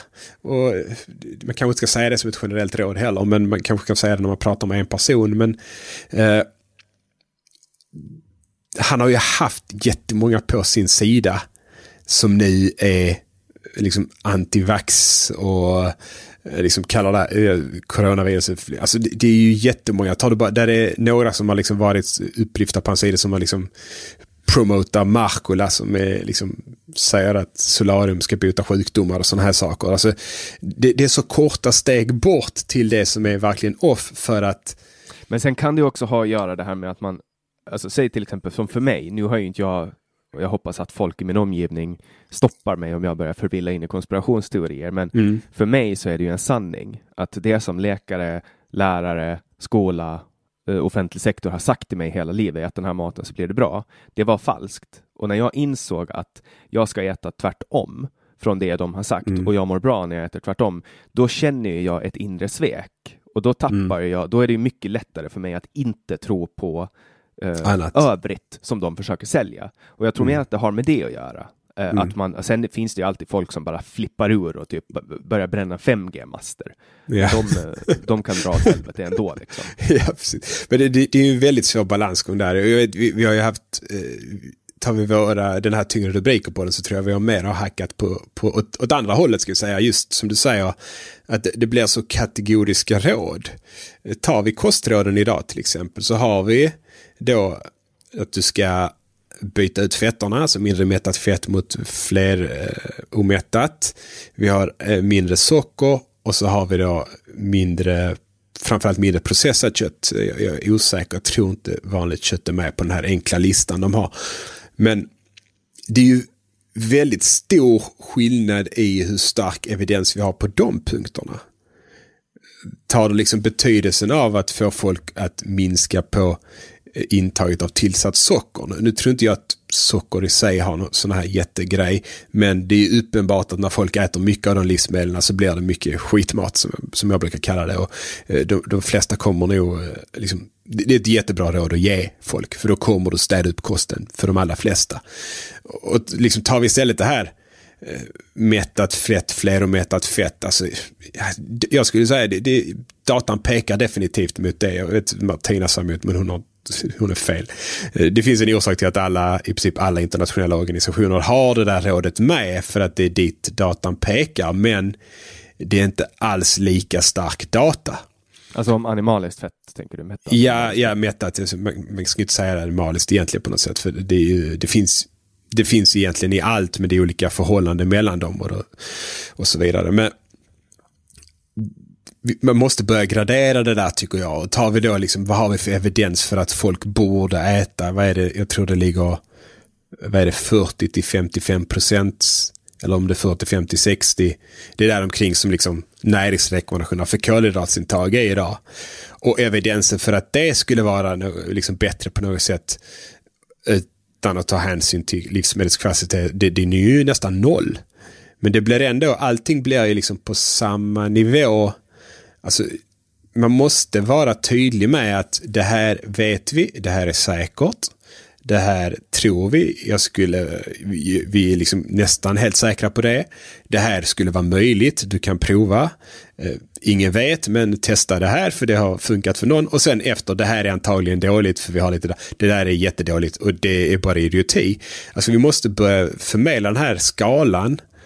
För då blir det inte folk så svikna om de hör någonting där Alltså där, det är nog ett gott råd. Alltså man säger så här. Så periodiskt fasta som du sa. Du, du sa att jag var kritisk. Jag, jag, jag har ju till och med med det som ett råd i eh, skitmat. Att, ja, men prova på det där. För jag tror det kan vara jättebra för att eh, känna av. Det är så individuellt. Alltså, det är samma sak. För jag hade ju en period där G funkar hur bra som helst för mig. Mm. Uh, men nu funkar det inte längre. Alltså, mm. det, det, förändras ju och jag är ju helt öppen för att en vacker dag så kanske jag kan äta kolhydrater. Just nu vet jag att det inte funkar med säkerhet. Alltså. Mm. och, men, men det kanske kommer att funka någon gång. Alltså, min kropp kanske, jag vet inte, jag kanske repar mm. mig. Det, alltså, jag är helt öppen för att saker och ting kan förändras. Jag tror inte att det finns en sak som funkar för alla, men just när det kommer till, till periodisk fasta, det är, det är det bästa som har hänt mig. För mm. jag växte upp under det här konstanta, du ska äta, vad det, fem små mål om dagen? Ja, man skulle ha och, frukost, lunch, middag och så två mellanmål. Ja, det är så här, det, det, funkar inte för mig. Det är så här, nu är klockan här i Finland som jag befinner mig i, nu är klockan 14.15 och jag har inte ätit någonting idag. Jag är inte mm. hungrig. Och klockan ja, men fem, halv sex tiden, då kommer jag och, och, och tillaga ungefär ett halvt kilo kött och så kommer jag att äta smör och sen kommer jag att klara mig i ett dygn tills nästa gång det är dags att göra samma sak. Mm. Eh, och, och, Det funkar just nu för mig. Om jag mår dåligt, mm. om jag börjar må dåligt, då, då, då börjar jag äta till saker. Men, mm. men det är inte så att jag kastar i mig, alltså att jag går och, och, och um, Alltså jag, just nu försöker men det är, det är en konstant kamp alltså, att försöka hitta mm. det som, som ska funka för mig. Och sen mm. om, om det kommer någon annan intressant teori om att ja, men testa det här, då kanske det kanske jag mm. köper det. Just nu är det det här som är liksom riktigt bra för mig. Men det, det, det, är ju det jag tror är en fördel med intermittent fasta eller periodisk fasta. Att folk lär sig på något sätt. Ja, men det, jag behövde inte äta på 12 timmar. Folk tror ju att de måste äta konstant. Eller folk, vissa. Det är definitivt en del av befolkningen som tror att de behöver det. För att ha ett jämnt blodsocker eller för att de inte ska bli galna eller arga eller få ont i huvudet och sådär. Jag tror det kan vara bra att bara känna på att jo men vad fan det här funkar. Och för vissa är det nog bra att de bara äter två måltider för då då kan det bli ordentliga måltider. Har du, som sagt, har du då inbillat att det här är viktigt med tre huvudmål och två mellanmål, ja då ska du förbereda fem mål som är bra mat. Om du ska liksom äta bra mat. Och det, det, det är nog få som orkar med det och då kanske det blir det här som liksom Mars spelade på ganska länge. Att ett, eh, liksom, du ska ha ett Snickers eller ett Mars som mellanmål. Ja, det är fan det sjukaste jag vet. Folk som men, Ja, Folk som sträcker fram en chokladbit ja. och bara tar det här, ditt blodsocker är lågt. Ett. Ja, precis. Men det, det är liksom det, det är där man hamnar när man tror att det här rådet är viktigt. Och det, det, vi måste börja gradera de sakerna. Vi, vi, man skulle säkert kunna göra en studie, eh, nu, nu, pekar data lite, men säg att man hade gjort en studie som visat att okej, okay, vi gav en grupp rådet ät tre måltider om dagen, en fick fem måltider om dagen. Gruppen som åt fem måltider skattade att de mådde bättre och gick ner lite mer i vikt. Då kan vi säga att okej, okay, fem mål om dagen är ett gott råd. Men så länge det inte är jättestor skillnad med de här grupperna så måste man lägga till det där rådet att ja, för de flesta verkar det här fungera men det är inte något för alla. Och så måste vi börja gradera de där sakerna för annars så blir det hela tiden det här att man, man ger ett råd för medelvärdet. Alltså i genomsnitt så funkar det här för folk i genomsnitt. Och då, då, då blir det många människor som det inte funkar för egentligen. Och om inte rådet är väldigt, väldigt viktigt så, så kan man ju skita i det. Alltså. Och det är, där, det är där vi inte hamnar, liksom det här med ta smör och margarin. För mig är det ju, eh, alltså, jag bryr mig inte. Om någon säger ska jag använda smör och margarin, men bara ta det du vill. Och om det verkligen spelar någon roll, då äter du för mycket av det. Mm. Alltså generellt sett. Det, är bara att titta på hur lagar de det. Eh, och så får man känna i magen vad som känns bra. Alltså är man, tycker man det är okej okay med, med liksom eh, eh borstade stålytor och maskiner som, som processar maten så är det fine. Liksom. Yeah. Eller om man vill ha det från en ko. Som, alltså, för mig är det liksom magkänslan.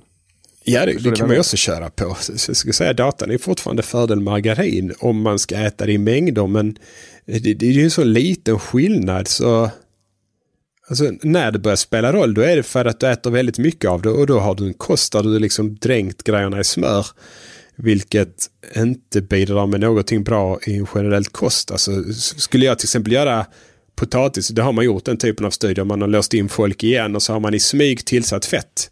Alltså du, du steker köttbiten i mer fett. Du kanske tillför smör i potatismosen. Du har mer olja på salladen och sådär. Så att det är egentligen bara mer tillsatt fett i måltiderna. Och då äter folk fler kalorier om man gör det konsekvent över två veckor.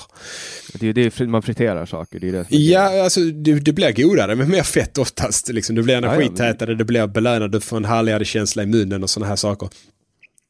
Och sen och får det... du i dig mera kol, alltså du får ju, det där är ju också grejen, att man vill ju ha kolhydrater. Folk vill ju äta kolhydrater. Ja men deras procentuellt så blir det ju mindre kolhydrater per eh, liksom, måltid och sådär. Eh, när, när, du tillför mer fett. Men eh, du skulle jo, men ju säkert... du de två, det är ju då du har... Det, det, det ja det är då det är gott. Då blir det Ja exakt, men det är, det är det som är det farliga. Det är därför jag äter isolerat protein och fett. Ja. Vet, det, är inte lika, det är inte lika kul att fritera protein Nej. och fett. Nej. Det blir liksom men jag skulle säga samma... att någon, liksom, förbrukar man Eh, med, med en något sådär vanlig kost om man förbrukar en halv, ett halvt kilo smör eller margarin. Då har du väldigt mycket av det i din matlagning överlag. Då skulle jag säga att liksom, ja, men om du liksom bryr dig om hälsan här. Eh, då, det är klart, är de liksom slimmade sådär då kan man ju ändå. Men de flesta är ju inte det. Då skulle jag ju bara säga, ja men du börjar steka i mindre oavsett vilket fett du väljer. Det är för mig liksom en huvudgrej. Tillsatt fett, tillsatt socker, vetemjölsgrejerna, mindre av det, då blir mindre, maten blir lite tråkigare såklart. Men den får vara lite tråkigare för den kan inte vara fantastisk hela tiden ur alla aspekter. Jävla, jag hade en jävla dille där ett tag där jag, där jag gick på vegan keto. Och då, och då var det så här, ja men man ska inte ha animaliska fetter överhuvudtaget och då skippar jag animaliska fetter. Och då hade jag också någon sån här grej där jag höll på med kallpressade oljor och jag mådde så mm. jävla dåligt. Alltså jag mådde så dåligt. Det, det, var som att det rann rakt genom kroppen. Fy fan. Men en sak som jag, alltså som jag, alltså, alltså en produkt som är så missvisande, som är så klandervärd så att jag skulle vilja riva upp nagelbanden på samtliga tår och naglar på den som, som kom på det här. Det, är ett, det finns eh, godis som heter sportlunch. Ja, jag vet. Det är bra. Alltså, hur? Ja, men det spelar ju på det här att människor... Hur kan det vara lagligt? människor har fått lära sig att det är viktigt med ett mellanmål och till sist så tror de att det är så viktigt så att det spelar ingen roll vad det blir så länge det blir något. Och då är det ju bra med det här motsatta rådet periodiskt fast. Nej, men det, det är inga problem. Ät inte. Alltså, har du inget bra att äta så ät inte. Du, du kommer överleva. Och, och, men samtidigt så är det kanske ett väldigt bra råd för många att ja, men se till att du har mat, liksom bra mat tillgänglig så att om du blir sugen på något så kan du dämpa det suget. Det är många som har liksom lyckats gå ner jättemycket i vikt med det rådet också. Så man måste liksom separera de här grejerna. Ett råd som funkar för en del och saker som är viktiga eh, för i princip alla. Så när man börjar ge ut råden att folk inte blir så liksom, ja nu följde jag det här fem gånger i veckan i två år, jag gick bara upp i vikt och sen började med periodiskt fasta, så gick jag ner i vikt och så börjar man misstro, som du sa, allt som kommer från det här hållet, alltså alla råd och sådana saker. Att man... Men alltså, ko ko kolla på det här, det här är så jävla sjukt. Uh, nu, nu är jag inne på Cloettas hemsida. Bra uh, poddinnehåll. Sportlunch består av ren mjölkchoklad med frasiga waffers i enkelt brytbara bitar. Uh, produkten har en lång historia, den lanserades redan år 37 men under namnet mellanmål. År 1996 ändrade produkten namn och blev den idag välkända Sportlunch. Och så kollar mm. vi på näringsvärde. 60 gram kolhydrater. Det är alltså 60 procent uh, socker. Eller, eller ja, kolhydrater, 54 procent socker. Så det är ju, det är ju mjöl, socker, fett. Det, det ju, kommer det ju vara. Det är ju, det är ju något kex som är i princip bara mjöl.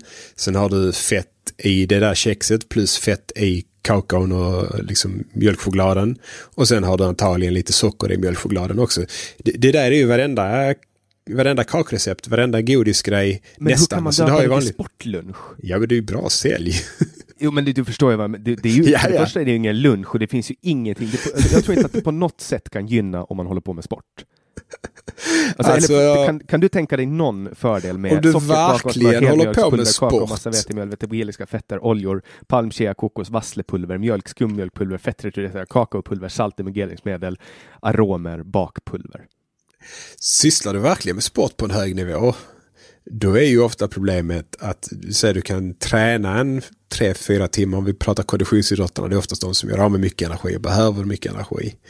Där de kan träna två pass, Eh, fyra timmar kan vi säga så. Och där de kanske inte kan äta en tre timmar inför träningen för att man kan liksom, det är svårt att ha mat i magen. Många får håll och sådana där problem av det. Och så kanske de har resa till och från eh, liksom, träningsanläggningen och ett kaloribehov på 6-7 tusen kalorier om dagen. Eller kanske 4 tusen för de som är lite mindre och tränar lite mindre och sådär. Men för många av dem är det ju eh, ett stort problem att de inte får i sig tillräckligt med kalorier. Och det är också ett problem att när de väl börjar äta, att ska vi äta riktiga livsmedel, eh, du, du kommer bli mätt för fort. Eh, Du, du kan liksom inte äta en sallad för det, den fyller upp. Du kan inte äta frukt, det fyller upp. Alltså, ska du få i dig, säg du har tre måltider och du ska få i dig 4000 kalorier. Det måste vara energitätt. Varför Det kan man må- inte bara ta fett då? Jo, det, det kan du absolut göra. MCT-olja typ. Det är flytande, det går ju snabbt. Sitta och dricka det.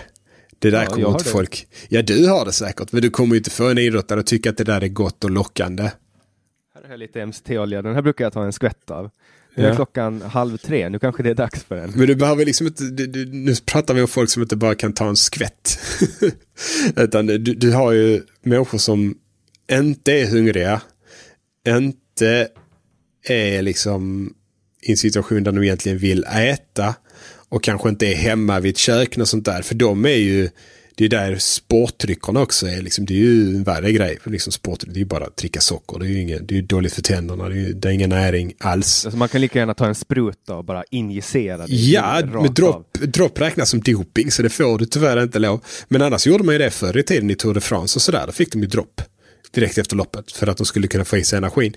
Så du har ju visst en, en väldigt, väldigt liten del av populationen där det i situationer kan vara ett jättesmidigt sätt att få i sig kalorier. Trots att de inte är hungriga, trots att de inte är sugna, så kan man ju trycka i sig en sådan sak.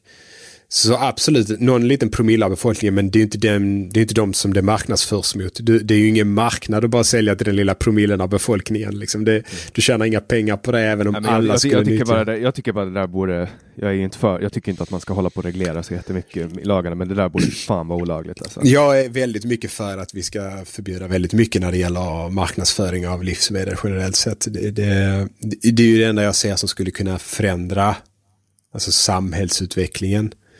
Det här Eller just- göra det lagligt att slå människor som, som håller på med sån där marknadsföring, då kanske de slutar. Alltså, Ja men alltså vi, vi måste ju, de blir ju bättre och bättre på det och maten blir ju bättre och bättre på att göra att vi äter för mycket.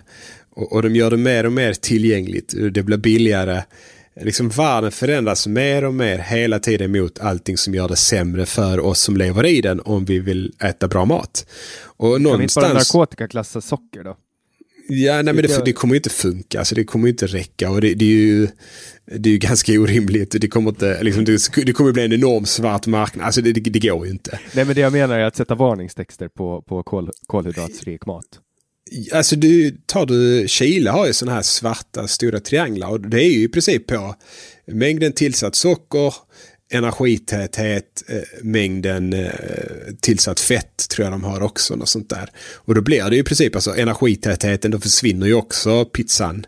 Och de här, det försvinner vetebullarna och det försvinner bakelserna och sådana här saker som är då för mjöl i sig är ju inte gott för fem öre utan det behöver ju vara, det, det, är, ju, det är ju en perfekt transportör för annan smak. Och då blir det ju oftast energitätt. När vi har en större mängd mjöl då är det energitätt så det kommer ju också få den här stämpeln. Medan till exempel havregryn kommer inte få det trots att det är liksom ko- kolhydrater nästan uteslutande. Jag har faktiskt aldrig testat om jag, eh, om jag skulle få den där kicken som jag får om jag skulle, om jag skulle äta typ eh, 250 gram rent mjöl. Borde kanske göra någon gång, transportera ner det med vatten och se om, jag, om det liksom fyller mitt eh, beroende, du vet. Där är ju en del av det där, det vet man ju när man tittar på vad är det som ger belöning från mat. Så är det ju en del av hur magsäcken reagerar på det som kommer in. Alltså inte bara smak och känsla i munnen och tuggorna när vi sväljer det. Utan man, man har gjort på eh, möss eh, så kan man stoppa in ett dropp eh, samtidigt. Så när de äter, man ger dem kalorifri mat eller liksom någon dryck, så liksom lightsaft, lightsaft. Och när de dricker den ena så får de samtidigt kolhydrater in i magsäcken. Så att de, de känner inte smaken av kolhydraterna. Det är ingenting liksom att det blir sött i munnen eller sådana här saker. Utan det är bara att magen reagerar på att det kommer in energi. Och efterhand så ser man då att de mössen mer och mer börjar tycka om smaken som paras med eh, maten Ah. i magen. Ja, alltså att man så jag tror binder att, äh, någon form av, eh, alltså hjärnan Ja, det- binder. hjärnan fattar att det var energi där och den gillar energi skulle jag Så tro. du skulle kunna, du skulle kunna liksom, om du, om du typ injicera eh, socker och, och, och mata mössen med bajs så skulle de kunna tro att, att eh, bajset är liksom Kanske det som har hänt med hunden. Det är kanske därför hundarna alltid äter Ja, bajs. man när vet inte. Kanske, det kanske smakar illa, för mycket illa. Men eh, det är ju en aspekt av det hela. Där tror jag att mjöl kan ha en betydande roll. Även om mjöl i sig smakar inte gott. Alltså bara mjöl. Men eh, när du parar det med någonting, alltså kakaosmak, vaniljsmak eller om det är liksom med lite smör och ett pålägg eller vad som helst sån här. Då, då bidrar det nog till att vi efterhand bygger upp ett ökat tycke för de här grejerna trots att de inte smakar så mycket. Eh, Det, Alltså det är fullt möjligt. Så mjöl det- kanske ger någonting till dig ändå. Även om jag inte tror att du kommer tycka det är särskilt spännande medan du äter det. Nej men sen det finns, alltså vetemjöl är ju intressant på det sättet. Har du läst Yuval Noah Hararis bok Sapiens? Mm, nej, inte hela. Jag lyssnar på halva ljudboken och sånt där. För där gör han ett, ett konstaterande som jag tycker är ganska häftigt, som inte jag har tänkt på.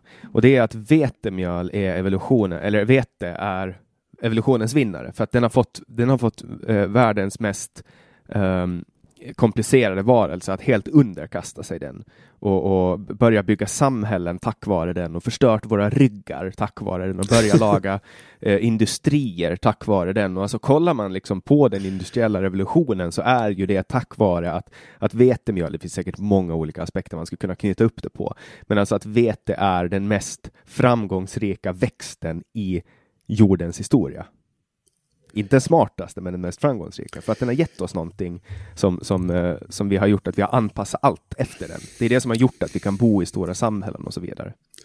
Ja, eh, till, till vissa delar. Sen har du ju ris eh, i Asien. Och ja, sen potatis är ju mer det som kanske startade allting här i, man säger, i, i Norden. Det var ju mycket mer potatis innan veten kom. Och eh, delvis tagit över ska jag säga. Jag vet inte hur mycket vete faktiskt det är i Sverige sådär jämfört med andra grödor. Men Nej, men det är ju kolhydrat, det är liksom kolhydratsrik mat. Man har lärt sig, eh, eller stärkelse, det är väl stärkelse som är den gemensamma faktorn, som har gjort att människor kan leva i samhällen och som på något sätt har varit starten för det här ekonomiska uppsvinget som gör att hela mänskligheten har eleverat upp på en ny nivå.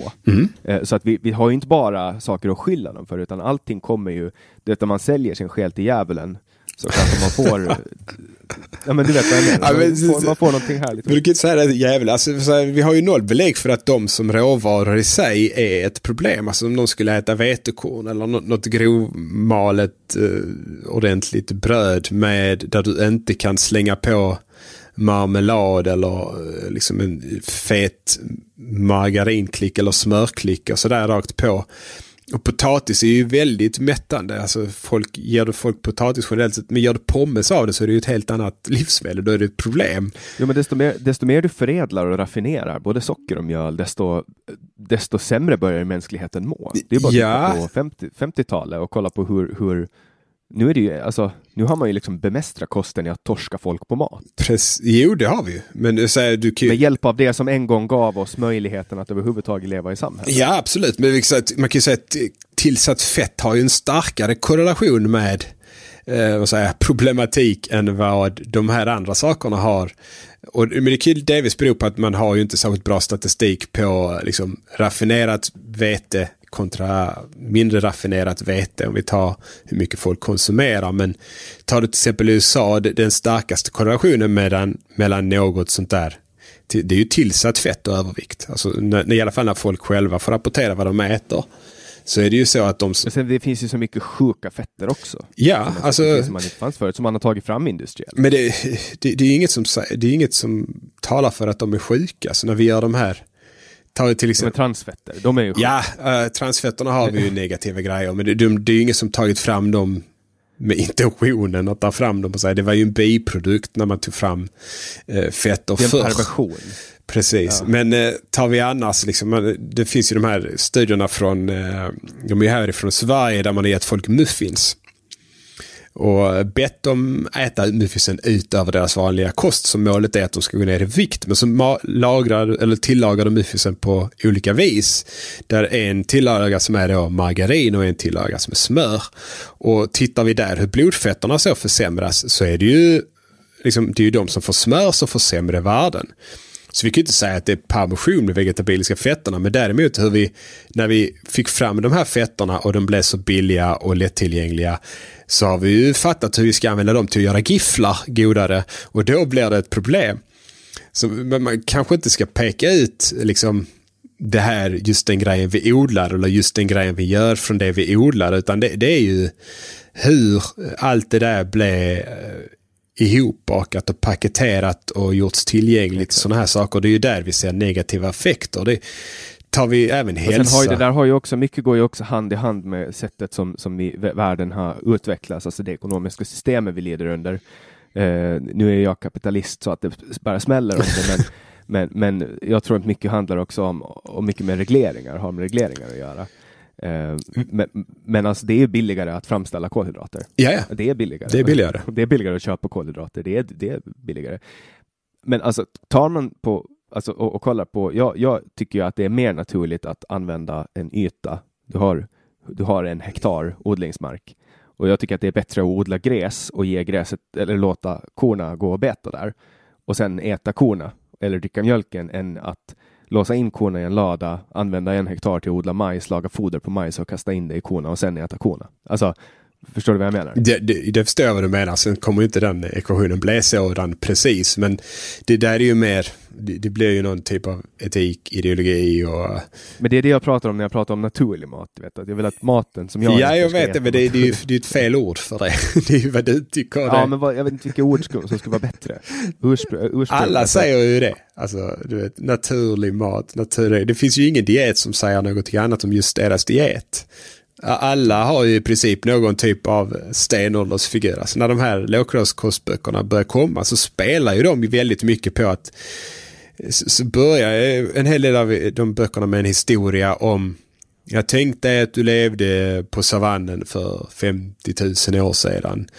Och där fanns inga åkrar med vetemjöl och det var ingen frukt att plocka. Vad skulle du äta? Och då, det enda vi kommer på då, för att vi kan ju noll om savannen jag kan ingenting. Jag, jag, jag har inte klart mig överhuvudtaget. Det enda jag hade kunnat säga där. Alltså, jag läste en djungelbok när jag var liten, hört någon saga. Ja, men precis. Alltså, ja, okej, vad, vad, kan man... Ja, men djur kommer ju alla att tänka på. Så då, då inbillar vi oss baserat på deras historia att det var det de åt. Men tittar vi till exempel på Hadsta-folket som bor där nere i Tanzania som är liksom fortfarande samlarjägare. jägare. Eh, så vet vi inte om de levde likadant. De fanns ju inte kanske antagligen då för 10 000, 20 000 år sedan. Men människor som levde i samma område förr. Men tittar vi på hur de äter så är det ju ganska kalor, alltså kolhydratsrikt. Och de älskar honung och det har vi ju egentligen alla samlarjägarfolk som vi har dokumenterat, de som finns kvar och de som har funnits, vad de har ätit ungefär och sådär. Så alla som har bott på breddgrader där det finns honung tillgängligt, de har ju värderat det jättehögt. Man... Men det finns ju inte tillgängligt året runt. Det är det som är grejen. Nej, nej. Men honung kan ju förvaras. Du kan ju förvara honung i hundratusen år. Ja, precis. Så, så de har ju nog haft det. Och tittar man på Hadsta annars så har de alltid i närheten där de är så har de liksom rot frukter eller eh, liksom rötter som de, de har stärkelserika basvaror tillgängliga alltid. Sen värderar de dem ganska lågt så är det någon som har liksom skjutit eller liksom lyckats fånga ett djur så äter man hellre det än den här tråkiga rotgrejen då. Men den har ändå en en stor bas i kosten året runt. Så liksom det här, den här historien blev väldigt säljig för att vi inte vet vad man kan äta om man är på savannen. Men tittar vi vad folk som äter på savannen så har det alltid funnits kolhydraterna där. Och då liksom... Men kollar man på riktiga, riktiga förespråkare också, till exempel carnivore, mm. då handlar det om att äta hela djuret. Mm. Det var ju så här, det var ju inte så att vi när vi bodde på savannen, nu vet jag inte om det var så, det kanske var så att vi hade en kniv som vi hade slipat av sten och så hittade vi ett djur och så skar vi bort ryggbiffen, entrecôten och, och oxfilédelen uh, och sen lämnar vi resten av djuret och ruttnar. Ja. Liksom. ja men det, det, gör man ju inte, alltså, det vet vi ju om, liksom de här samlarjägarna. Man, man drack ju till och med benmärgen och, och höll på. Precis, att, precis, men samtidigt så har de inte bara ätit köttet. Så den historien, eh, sen kanske det var någon som levde på savannen som verkligen gillade det, som var väldigt duktig på att jaga som gjorde det, men vi vet ju på gruppnivå att så har det inte varit. Man kan ju titta på... Nej, liksom. nej så har det inte varit hela tiden, absolut inte. Så, men, men, du har ju delar som du kan, alltså eh, som du kan förädla vidare som typ nej, men som benmärgen eller som, som organ. Det är klart man lämnar ju ingenting då. Nej, nej, det, alltså, det, det, tror jag inte man gjorde. Men de har ju inte bara, även om de åt allt på köttet så har de inte bara ätit kött. Och, men det har du ju liksom åt andra hållet så tar du de här Eh, ja, lite det som är populärt nu, men kanske veganförespråkarna, de backar ju bara bandet ännu mer och så börjar de prata om när vi var, liksom, när vi började komma ner från träden och, och så tittar de på apornas diet som är nästan uteslutande vegetabilier och så säger de att det är det. Alltså du, du kan alltid hitta på den där historien baserat på att vi inte, vi vet ju faktiskt inte exakt vad folk är åt och folk vet ännu mindre vad som finns att äta om de inte får gå till ett matvaruhus. Så det, blir, det blir bara historier och allt det där.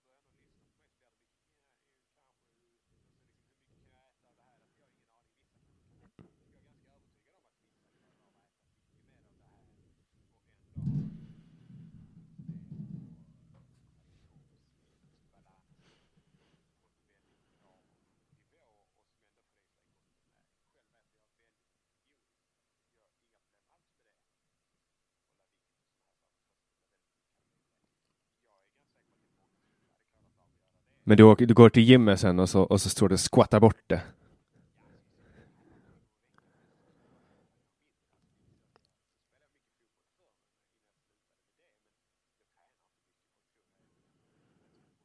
Väldigt lat när jag tränar så jag gör två, tre övningar sen går jag hem. Men men du har ganska mycket träning bakom. Ja, det, det, det kan På något sätt byggt upp kanske lite. Det är möjligt. Det är möjligt. Eller så har jag bara tur med generna. Eller så har jag så mycket bra koll på allting annat. Alltså, allt, nästan allt annat jag äter är ju, är ju bra grejer. Liksom. Men jag tror att var den där balansen ligger, hur mycket man kan äta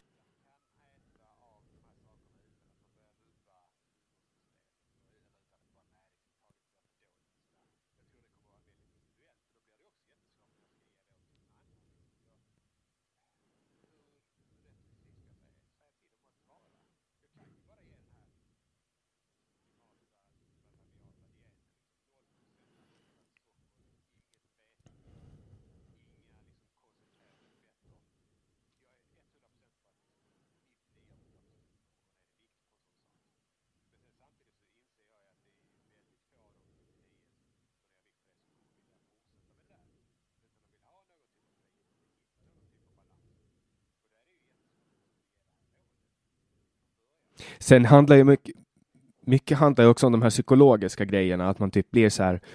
För så har det varit för mig när jag har, jag har ju, jag har ju jobbat inte, jag har omsatt typ 300 kilo. Jag skulle kunna räkna på det, men jag är garanterat så skulle det gå över 300 kilo i det jag har omsatt. Um, och då är det så här, jag kommer in tillfälligt. Jag tänker så här att ja, men nu kör jag idag. Jag slutar imorgon. Jag slutar imorgon jag slutar imorgon. Och det är, en sån här, det är ju en sån här beroende grej. Och jag har ju problem. Jag, jag identifierar mig väldigt bra när jag, läser, när jag läser böcker om sockerberoende. Och det finns ju jättemycket folk som säger så här, men sockerberoende, det är inte en grej. Det är bara påhittat. Eh, Men för mig är det upplevt och det är det som är det viktiga. Jag har till exempel, i och med att jag har gått ner i vikt så många gånger och ofta skriver om det och pratar om det väldigt mycket och folk ser ju det. Ehm, så är det många som kommer och frågar mig så här, ah, men vad kan jag göra för att gå ner i vikt? Och då brukar jag säga, men jag kör SHF eller lågkolhydratdiet. Jag brukar börja med lågkolhydratdiet med väldigt mycket fasta.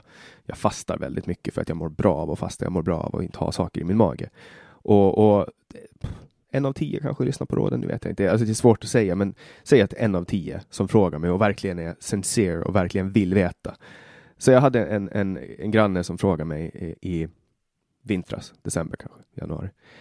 Uh, ja, men vad, vad, vad, kan jag göra? Hur har du gjort för att gå ner i vikt? Och så sa jag exakt. Jag sa så här, men kom över så tar vi en kaffe och så berättar jag exakt vad jag gjorde.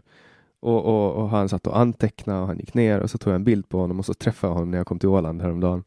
Uh, och då har han gått ner 40 kilo. Mm.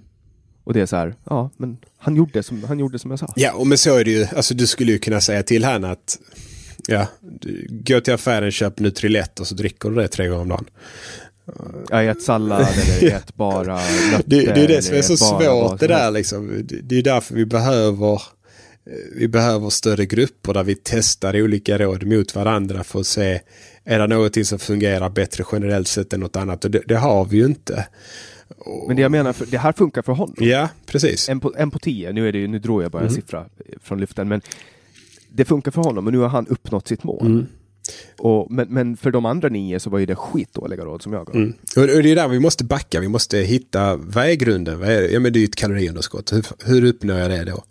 Eh, då finns det ju jättemånga sätt man kan göra. Man kan räkna. Det, det är lite tabu att säga det idag. Det, det är inte poppis allt längre. Och kanske mycket med rätta ska man säga på sätt och vis. Men det, pendeln har ju svängt för mycket där för det har blivit att det funkar inte att räkna och det gör det. Folk, jag, jag, jag får meddelanden, folk kommenterar mina kommentarsfält. Det är fördelen nu när vi har liksom så mycket följare som jag har att jag får ju alla typerna. Och det är många som säger jag börjar bara räkna kalorier, nu har jag gått ner 30 kilo och jag har hållit det i 10 år. Ja men då funkar Problemet det. är det att en, en del av människorna blir besatta av det här och så blir ja. det sjukligt. Men det, det, det, kan det ju bli på alla dieter skulle jag väl säga att man blir väldigt, eh, man får ett stört ätbeteende runt omkring det. Hade du gått till en psykolog och berättat om hur du käkar så tror jag många hade tyckt att det var väldigt udda i alla fall. Jag mina läkare som jag har träffat, de skakar på Ja, precis. Så det, är, är besatt, det är ju kanske mest besatt när det blir ett problem i vardagen. Alltså, om de inte upplever att det är, trots att de sitter och väger allt och räknar allt, upplever de inte att det är problematiskt, upplever de att de, att de inte får ångest över det sådär, då är det ju kanske inte ett, ett problem på den biten, så länge det är liksom hälsan är, är okej i andra aspekter.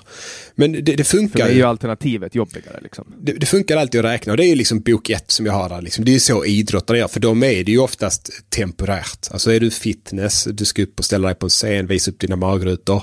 Den formen de når då, det är ingen som håller den livet ut. Liksom. Utan de gör det, tre månader, pang. Du är där, sen så går jag tillbaka till mitt vanliga liv. Viktidrottare, kampsportare, alla de samma sak på något sätt. Det är, det är en tillfällig grej, då gör jag det. Sen tillbaka till status jag var innan på.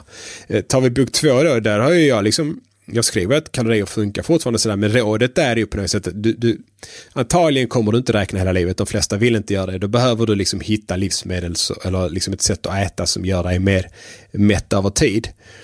Och då är det ju, men fortfarande målet är ju kaloriunderskott. Så även om du hittar någonting som du tycker funkar, det här är skitbra, jag följer kostupplägget jättebra, men om du inte går ner i vikt och det var målet, felet är kalorierna.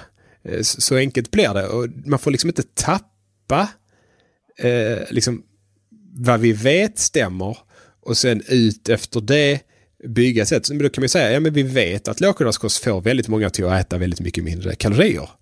Då kan vi ju ge det som kost. Men så fort vi byter ut förklaringen och säger att det inte är liksom, kalorierna utan vi säger att det är insulin eller vad som helst. Eh, då, då har vi ju låst dem vid lågkolhydratkost för då kanske de om vi istället bara får dem att äta lågkolhydratkost säger de att det funkar inte för mig, jag åt så mycket mindre eller jag tyckte inte det var kul eller jag skulle inte kunna hålla det. Då måste du få kunna byta till en annan diet. Men följ det här alltså upplägget. Mig... Eller kanske ingen diet alls, bara tänka som jag gör. Mindre skitmat liksom. Ja. För mig är det så här, för mig spelar det ingen roll varför det funkar. Alltså, man skulle kunna skita ut vilken förklaring som helst. Att, mm. Typ att ja, men alltså, när du äter fett, då, då inkluderas du i den totala summan av alla katolska kyrkans böner. Mm. Och därför så, därför så går du ner mera i vikt. Alltså, fine! Mm. Om det är så, då, då är det så. så här, jag, jag är nöjd bara jag mår bra. Fan, du ska ha sett mig för fem, sex år sedan, ja. 2012. Ja, alltså jag, jag förstår, men du, du, måste, man måste backa där och, och tänka på liksom gynnar jag alla när jag säger att det här funkar för alla på grund av någonting som inte stämmer. Nej, det, det är dåligt. Det är, det är, där det är sektistiskt. Ja, men det är där det, blir, det, är där det blir ett problem med alla dieter skulle jag säga. Eller inte alla. Ta Viktväktarna liksom. Det är ju svart på vitt. De har ju bara gjort om kalorier till poäng. Sen har ja, ju de börjat, de har ju börjat släppa kalorier. De har ju liksom, de har ju livsmedel nu som de räknar i princip som noll poäng. För att de har ju fattat att ingen människa, alltså om, du får, om någon sitter och äter det där halva sitt kaloribehov så kommer de bara bli mättade och äta mindre poäng oavsett eh, på något sätt. Så det, de har ju gått över mer till lite kanske livsmedelskvalitet mot eh, bara kalorierna. För det som problemet med det här klassiska kaloriräkningen det är att om du inte eh, förbättrar kvaliteten på maten, alltså plocka bort mera skitmaten, då kommer du gå, antagligen gå runt och vara liksom småhungrig och kanske lite lättirriterad eller aldrig belåten på något sätt. Jämfört med, tar vi den här studien jag pratade om, där de fick äta, de fick dubbla kalorierna presenterade, de fick vegankost eller ketogenkost. Alla deltagarna i den studien gick ju ner lite i vikt på båda dieterna. Sen var viktnedgången ganska lite med den ketogena dieten. Men alla gick ju ner och det innebär ju att på något sätt, trots att de fick en buffé med mat, alltså dubbelt så mycket mat mot vad de behövde äta, så valde de omedvetet att äta mindre mat. Och det är det som händer med de flesta av de här dieterna som säger att ja, det funkar inte att räkna kalorier och det är inte kalorierna som avgör och så här. Det är ju kalorierna som avgör fast de har ljugit för dig och sen har de gett dig en diet som har gjort att du omedvetet har börjat äta mindre kalorier ja, ändå. Mindre kalorier, ja att alla vägar, leder, alla vägar leder till att du äter, du sätter i dig mer. Man blir nöjdare med mindre energi. Precis, det, det är ju... Alltså, och det är väl det som är, det är väl det som är, för, alltså det är det, antagligen det som är skillnaden i min diet nu, att jag är nöjdare med mindre energi nu. Mm. Plus att jag mår inte dåligt och därför orkar ja, jag. Jag tror jag det... det är kul att, att ta på mig skorna och gå ut och springa. Mm. Jag tycker att det är kul liksom. Och gå ut med hundarna eller vara ute liksom och, och, och, göra saker som människor gör. Alltså istället för att sitta framför en, en skärm och suga i sig blåljus, vara ute och, och skena under en blå himmel. Liksom. Mm. Precis. Och sen, sen, sen vad, vad förklaringen bakom det? Alltså, jag är ju rädd för all form av, av, av sekter som, som uppstår kring dieter och jag försöker distansera mig från eh, den här eh, sektismen som har uppstått kring keto och carnivore och sånt. Men den uppstår ju överallt. Alltså kolla på vegan, det finns ju vegansekter också. Absolut. Eh, och, och, kanske mer än någonsin. Alltså det är, jag ser de, de är ju, jag, jag veganerna är ju en brokig skara ska man säga. Det, det, är ju, många av dem är ju etiska veganer. Och då är man ju på något sätt där som aktivist på sätt och vis man kommit in lite som aktivist för man vill ju att andra också ska djurens väl eller eh, liksom att mindre djur ska användas alltså, som livsmedel eller man ska säga, eller generellt sett för människors nytta. Och det, det är klart, då blir ju det ännu mer färgat där när de ska argumentera för dieten på något sätt. Att de blir ju väldigt mycket mindre för att erkänna att det kan finnas någon brist i något typ av upplägg och sådana här saker. Så det, det, den är ju ännu vanligare där. Men det, det är som du säger, det, det blir ju sekt inom alla de här dieterna. Men jag tror ju att det blir betydligt starkare så just av det här att man för att sälja sin story så måste man säga att allt det du har hört innan var fel. Du har blivit lurad. Här är sanningen. Och, och, så börjar ju också många vegan-dokumentärer. Ja, ja, alla börjar. Det, det, det är så du ska sälja det på något sätt. Ja. De, de, börjar, de är exakt likadana. Du kan titta på de här. Titta på en lågkostdokumentär och vegan-dokumentär. Alltså 70% av dokumentären är exakt likadan. Alla pekar ut liksom snabbmat, McDonalds som, som liksom gift. De visar bara liksom folk som äter skitmat. Men sen blir deras svar och lösning väldigt annorlunda beroende på att de under 20 minuter då puttat in en egen förklaringsmodell varför det här andra maten var för dålig. Men eh, det är ju problematiskt det där just med sälja in. Eh, för när de säljer in det på det sättet, eh, som du säger, det, det blir en ren etablissemang misstro. Oj, de ljög mot mig en gång, då kanske de ljuger igen och så vidare. Och det, det skulle vilja lä lägga mycket på bordet kring, för de som skriver de här dietböckerna. Men också som jag sa, det, det är ju mycket självförvållat också från de som har gett råden. Att eh, de är, jag tycker de är, det är alldeles för onyanserat. Jag tycker det behöver till väldigt mycket mer där man är ärlig med informationen. Man säger att vi ger det här rådet för att vi tror att det är så här. Eller vi ger det här rådet för att vi vet att det är så här och så vidare. För då, då blir det mycket mer eh, öppet sen på något sätt. Så, okay, men de, de trodde det, de, de hade kanske fel eller det kanske är så för många men inte för mig. Istället för att de sa att det var så här, det var inte så. Mm. Men sen lär ju sig vetenskapen också. Alltså på 80-90-talet så, så gav man ju amfetamin till folk för att de skulle gå ner i vikt för att då tappar man aptiten och sprang runt med Där finns många sådana grejer. Det, det var, där är ett, det, man kan fortfarande köpa det som diet, men jag kanske ska tipsa om det egentligen. Men det, det heter DNP. Eh, man hittar det som typ någon biprodukt när man höll på att spränga i bergen och sånt där. Och det, det man fann var att människorna som jobbar i liksom de här grottorna eller gruvorna, de gick ner väldigt mycket i vikt. Och man kunde liksom inte riktigt förklara varför. Så hittar man det här ämnet då, det är det ämnet gör i princip att den eh, den fuckar upp dina mitokondrier så de, de pausar inte trots att de liksom, det behövs ingen energi. Så de, de bara producerar värme. Så när du tar det här ämnet då så höjs din kroppstemperatur. Så egentligen för, istället för att du har en energiförbrukning på 2000 kan du liksom få 4000. Där allt, du bara spiller ut värme. Du bara spiller ut värme. Eh, problemet är att den är jättesvår att dosera det här ämnet. Alltså, och tar du lite för mycket, så, kroppen, du dör. Om du får för hög kroppstemperatur. Ja, ja, men sen också, sen är det ju helt, det, det är också av förklarliga skäl. Alltså du har ju en, en livslängd på en kropp. Mm. Uh, och om du, om du börjar bränna mer ur den kroppen, då kommer du att förkorta livslängden. Det är ju bara sunda förnuftet. Men du, du, folk dör ju. Det, det kommer in folk till liksom sjukhus, så då kanske de bara har liksom 39 graders feber när de kommer in. Men det här ämnet är fortfarande verksamt, så även när du lägger dem i isvatten, så kroppen liksom själv, eller mitokondrierna, man ska inte säga kroppen, mitokondrierna får det här ämnet och kör vidare på högvarv så, så får de 42-43 grader och så, så, så, dör de. Så det här ämnet fick man ju också sluta med som dietämne men det, det, det är fortfarande liksom en sån man säger, svart marknad om det här. Eh, där man säger, och det är ju som du säger, det, det, det gjordes ju studier på det där. Tänkte man skitbra. Nu har vi hittat folk. Men då fattar man ju att, eller man märkte att du gav folk det i tablettform och så sa du en om dagen. Och så gick folk ner i vikt och så tänkte de dubbelt måste vara bra. Och så tog de två och så dog de ungefär. Det, det är ju väldigt farligt ämne. Alltså väldigt, väldigt farligt ämne. Människor gör ju alltid, det är samma med, med steroider. Det är väl det som är faran med steroider. Att folk som börjar med steroider lovar alltid sig själva att eh, jag ska hålla mig till det här, jag ska hålla mikrodoser och sen börjar de bara mer och mer och mer och mer och till sist så sitter de och har typ en, en pung som är lika liten som en tumme och, och slår sina fruar liksom.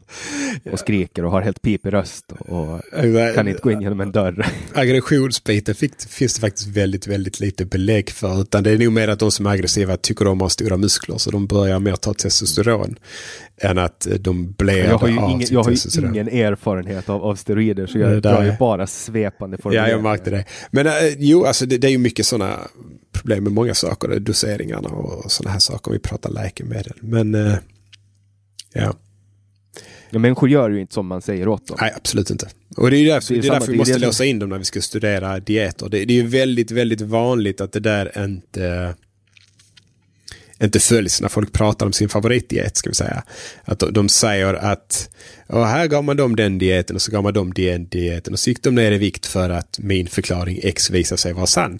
Men man har inte ens tittat på det. Man har ju tittat på rådet två dieter. Om vi ska ju verkligen titta på mekanismer då måste vi låsa in folk. Vi måste ställa maten framför dem. Vi måste väga exakt hur mycket de äter. Vi måste titta på vad de gör på resten av dagen så att de inte fuskar och äter någon annanstans och så vidare. För... Alltså man, måste ju, man måste ju ha en dietö om man ska göra sådana ja, långsiktiga studier. I princip. Du måste ju, du måste ju liksom få bort, alltså för att det är ju det som gör att det inte finns några långsiktiga studier på lågkolhydratdiet. För att folk äter inte, det går inte att leva i ett modernt samhälle utan att komma i kontakt med den här jävla vetemjölen. Nej, precis. Jag kan inte ens gå ut med hundarna utan att gå förbi massa butiker som, som säljer det här, liksom, mm. som försöker trycka ner det i halsen på mig och ta mina pengar. Jag kan inte ens gå in på internet och det kommer så här Matsmart, 66 procent rabatt ja, ja. på någon jävla Alltså... Det är jag menar, det, det är ju för alla. Det är för alla. Alltså det, det är konstant närvarande. Och man har ju sett, eh, titta, titta på, man har framförallt visat det på ungdomar, det verkar inte vara så stor effekt på vuxna, men det där är ändå en liten effekt kanske. Att bara du låter folk titta, som man brukar låta dem titta, man säger att de ska screena ett nytt, en ny tv-serie. Så visar de liksom något pilotavsnitt som aldrig blir av, alltså någon, någon gammal serie. Det är inte aktuellt att den ska visas någon gång, men de här personerna får se det. Så lägger man in en reklampaus i mitten. 15 minuter in eller 10 minuter in. Och så ser man, liksom ställer man fram snacks under det här pilotavsnittet. Och så bara tittar man hur mycket folk åt beroende på vad de får se för reklam. Och visar du reklam för pizza, lösgodis, chips, snacks eller något sånt här. Så äter folk alltså mer av den snacksen som ställdes framför än om du visar dem neutral reklam, alltså för någon soffgrupp eller en tv eller vad som helst. Så alla de här, som du säger, bara du går runt och ser den här vetemjölen så kanske du inte köper någonting där, men så kanske du kommer hem senare och så ska du äta lite och så blir det, ah vad gott det skulle vara med en bakelse till efterrätt eller vad som helst.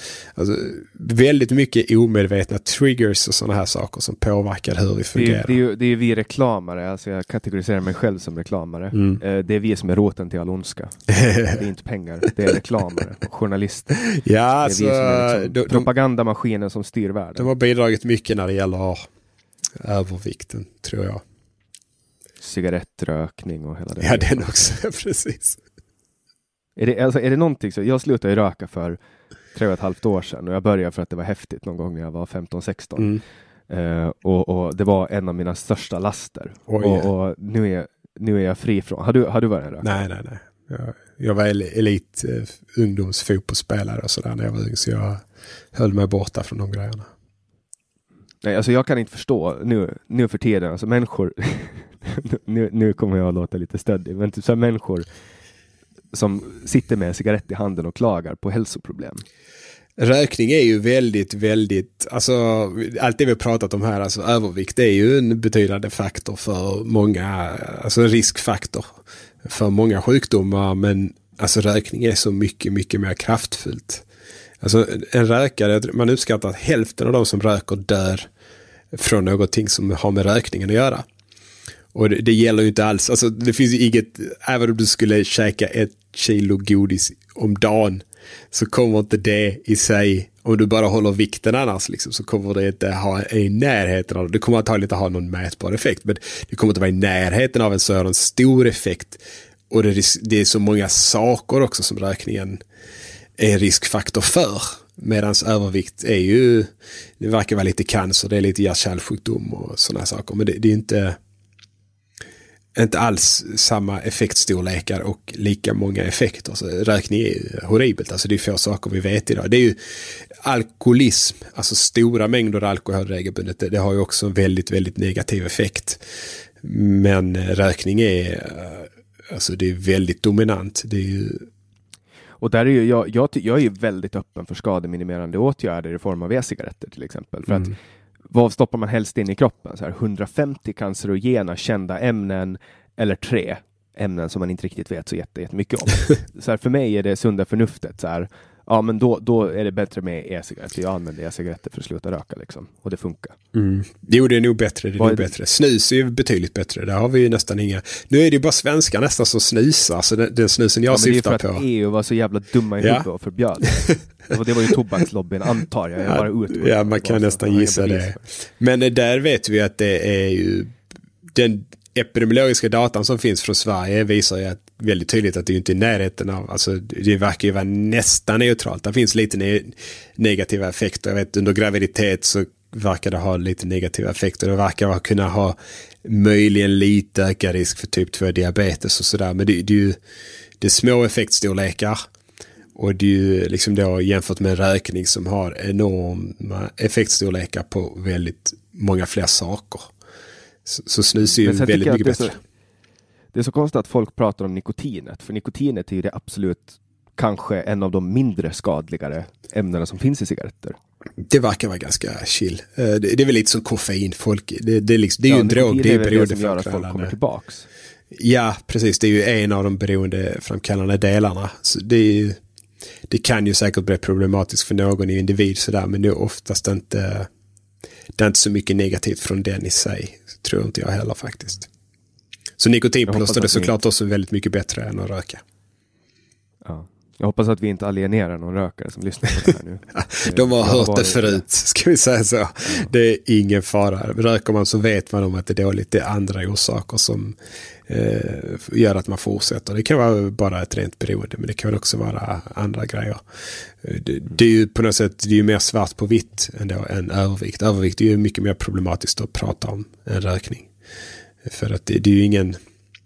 Som du sa, du började inte bli överviktig för att du tyckte det var coolt.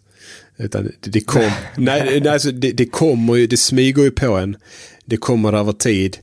Och man kan inte bara sluta vara det på en dag. Alltså du kunde ju bara sluta röka. Nu är inte jag rökare längre. Sen är det ju säkert mycket uppenbarligen folk har svårt att sluta röka. Det är saker du jobbar emot där. Men så fort du är en icke-rökare så är du en icke-rökare. Eh, har du 40 kilo du behöver tappa så kan ju du tycka hur mycket du vill själv att nu har jag börjat äta nyttigt, nu har jag börjat motionera, nu sover jag bättre. Men för när de där kilorna är borta så är det ingen som skulle klassa dig som inte överviktig på något sätt. Det, det, Nej, det är en jag, väldigt svår sak. Jag hela tiden på folk som, folk som säger att ja, men jag tränar hur mycket som helst och så ser man att de inte mår bra. Mm. För att det är en fysisk manifestation på kroppen i form av väldigt många kilo. Uh, och, och, och, man mår inte bra om, om man är överviktig. Det vet jag, för jag har varit överviktig och jag mådde inte bra. Ja. det, det, det, det, är väldigt komplicerat. Man måste ju, jag, du vet, som du sa, fettaktivister där. Eh, man ska ju inte kalla någon tjock. Det finns noll vits med att peka ut folk och man vet ju det som kallas för fat shaming. Alltså, Eh, Eh, diskriminering på något sätt. Att man tittar snett på dem eller man skrattar eh, bakom deras rygg och så de märker det. och Sådana saker. Så det har ju bara negativa effekter. Eh, på risk, fortsatt risk och liksom må sämre. Fortsatt risk att gå upp i vikt mer och sådär. Om man säger liksom att ja, men, antagligen en stor orsak till att folk slutat röka det är för att det har blivit mindre coolt. Eh, och det, tror jag kan stämma, men jag tror inte att du får folk sl att sluta vara överviktiga för att vi gör det mindre coolt. Det, är inget, det har aldrig varit coolt, alltså det, det är ingen som har velat vara det, utan det, det Anna, det, det som jag har varit inne här på, jag tror det är mycket mer miljö, jag tror det är vilka livsmedel vi, vi gör tillgängliga, hur tillgängliga de är och sådana här saker. Så, så man måste jag, jag få prata om det som ett problem, men man ska akta sig för att prata om en persons problem. Alltså, du vet de här artiklarna. Man ska inte säga att folk är dumma i huvudet. Nej, men det, det är ju också vanligt. Åh, titta så mycket den här kändisen har gått upp i vikt. Det är som att säga att folk som knarkar är dumma i huvudet. Det är ju liksom inte deras fel att de blir beroende av droger. Samma ja, antagligen inte. Nej. Men, men alla, som, alla som har hosta gulsvart slem på ett vitt lakan tills de har spräckt ett blodkärl i öga vet att det inte är så coolt att röka. ja, nej, det, men det är övervikt.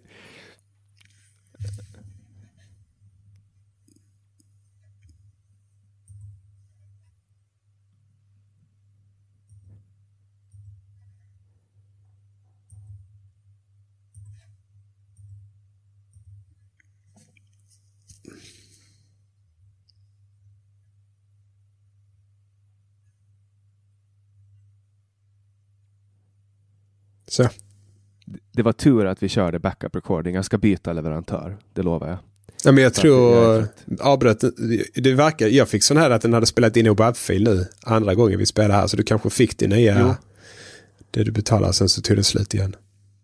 Ja, jag vet inte vad det är, men det är någonting. Det är någonting. Jag ska, jag ska kolla på alternativ till leverantörer, för det här får inte hända. Men, men jag kollar, vi är uppe i två timmar nu. Vi, om, om, vi vill att någon ska lyssna ja. så får vi nu nästan uh, avsluta. jag, tar, jag tar alltid bort så att det blir ungefär en timme och 45 minuter mellan ja, okay. så det ja. Men är det, är det någonting du känner så här på sluttampen att, att du tycker att vi borde eh, ta upp som vi inte har pratat om ännu?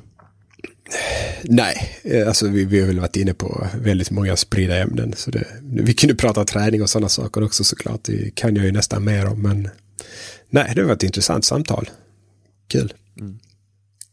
Och jättekul att du kunde komma och, och, tack till, nu kommer jag inte ihåg vem det var som, som eh, taggade in dig där på, på Twitter, men kul. Mera sånt otroligt kul att kunna komma för, som, som introavsnitt till det som man ändå kan kalla för säsong två om man nu ska dela in min podd i säsonger som jag inte har gjort. Men, och jag numrerar inte samtalen heller, men, men det är mitt 55 samtal. Och jättekul att äntligen träffas. Jag har ju följt dig under, under många år och tagit till mig mycket av dina tips och kommer sannolikt att fortsätta göra det och tycker att alla som är intresserade av det Jakob gör kan gå in på träningslara.se och hålla koll där och även lyssna på podden Tyngre träningssnack och tyngre rubriker. Är det någonting annat som de som är intresserade av det kan? Alltså, sociala medier, jag, jag är ju väldigt utspridd. Alltså, träningslära var ju från början eh, min egen grej. Eh, nu blir det ju mer att jag, jag jobbar för andra. Jag har ett eget företag där jag liksom, och sen så gör jag material till andra. Så det bästa är nu nästan att följa mig i sociala medier. Jag har både Instagram, Facebook och Twitter. För då oavsett var jag har gjort saker. Som denna här podden till exempel, den kommer jag ju dela i sociala medier. Jag kommer inte lägga upp någonting om den på träningslära. Så det bästa är nog att följa mig i sociala medier så får man liksom en update oavsett var jag har gjort sakerna. Perfekt. Då tackar jag alla som har lyssnat och tackar Jakob för uh, att du var med här. Och om ni har tips på nya gäster får ni gärna gå in på www.samtal.ax och fylla i ett formulär ni bara skriver in namnet så får jag ett mejl och så skriver jag upp det på listan och eh, tar med det i beaktande. Ni kan stödja den här podden på www.patreon.com samtal. Ni hittar en länk på hemsidan www.samtal.ax. Där hittar ni också mitt Swishnummer. Ifall det är någon som känner för att stödja det här projektet så kan ni swisha på 070 3522 472. Numret hittar ni i, eh, på hemsidan som finns i länken i beskrivningen och så vidare. Eh, producent för det här samtalet var Didrik Svan. Jag heter Jannik Svensson och du har lyssnat på podcasten Samtal.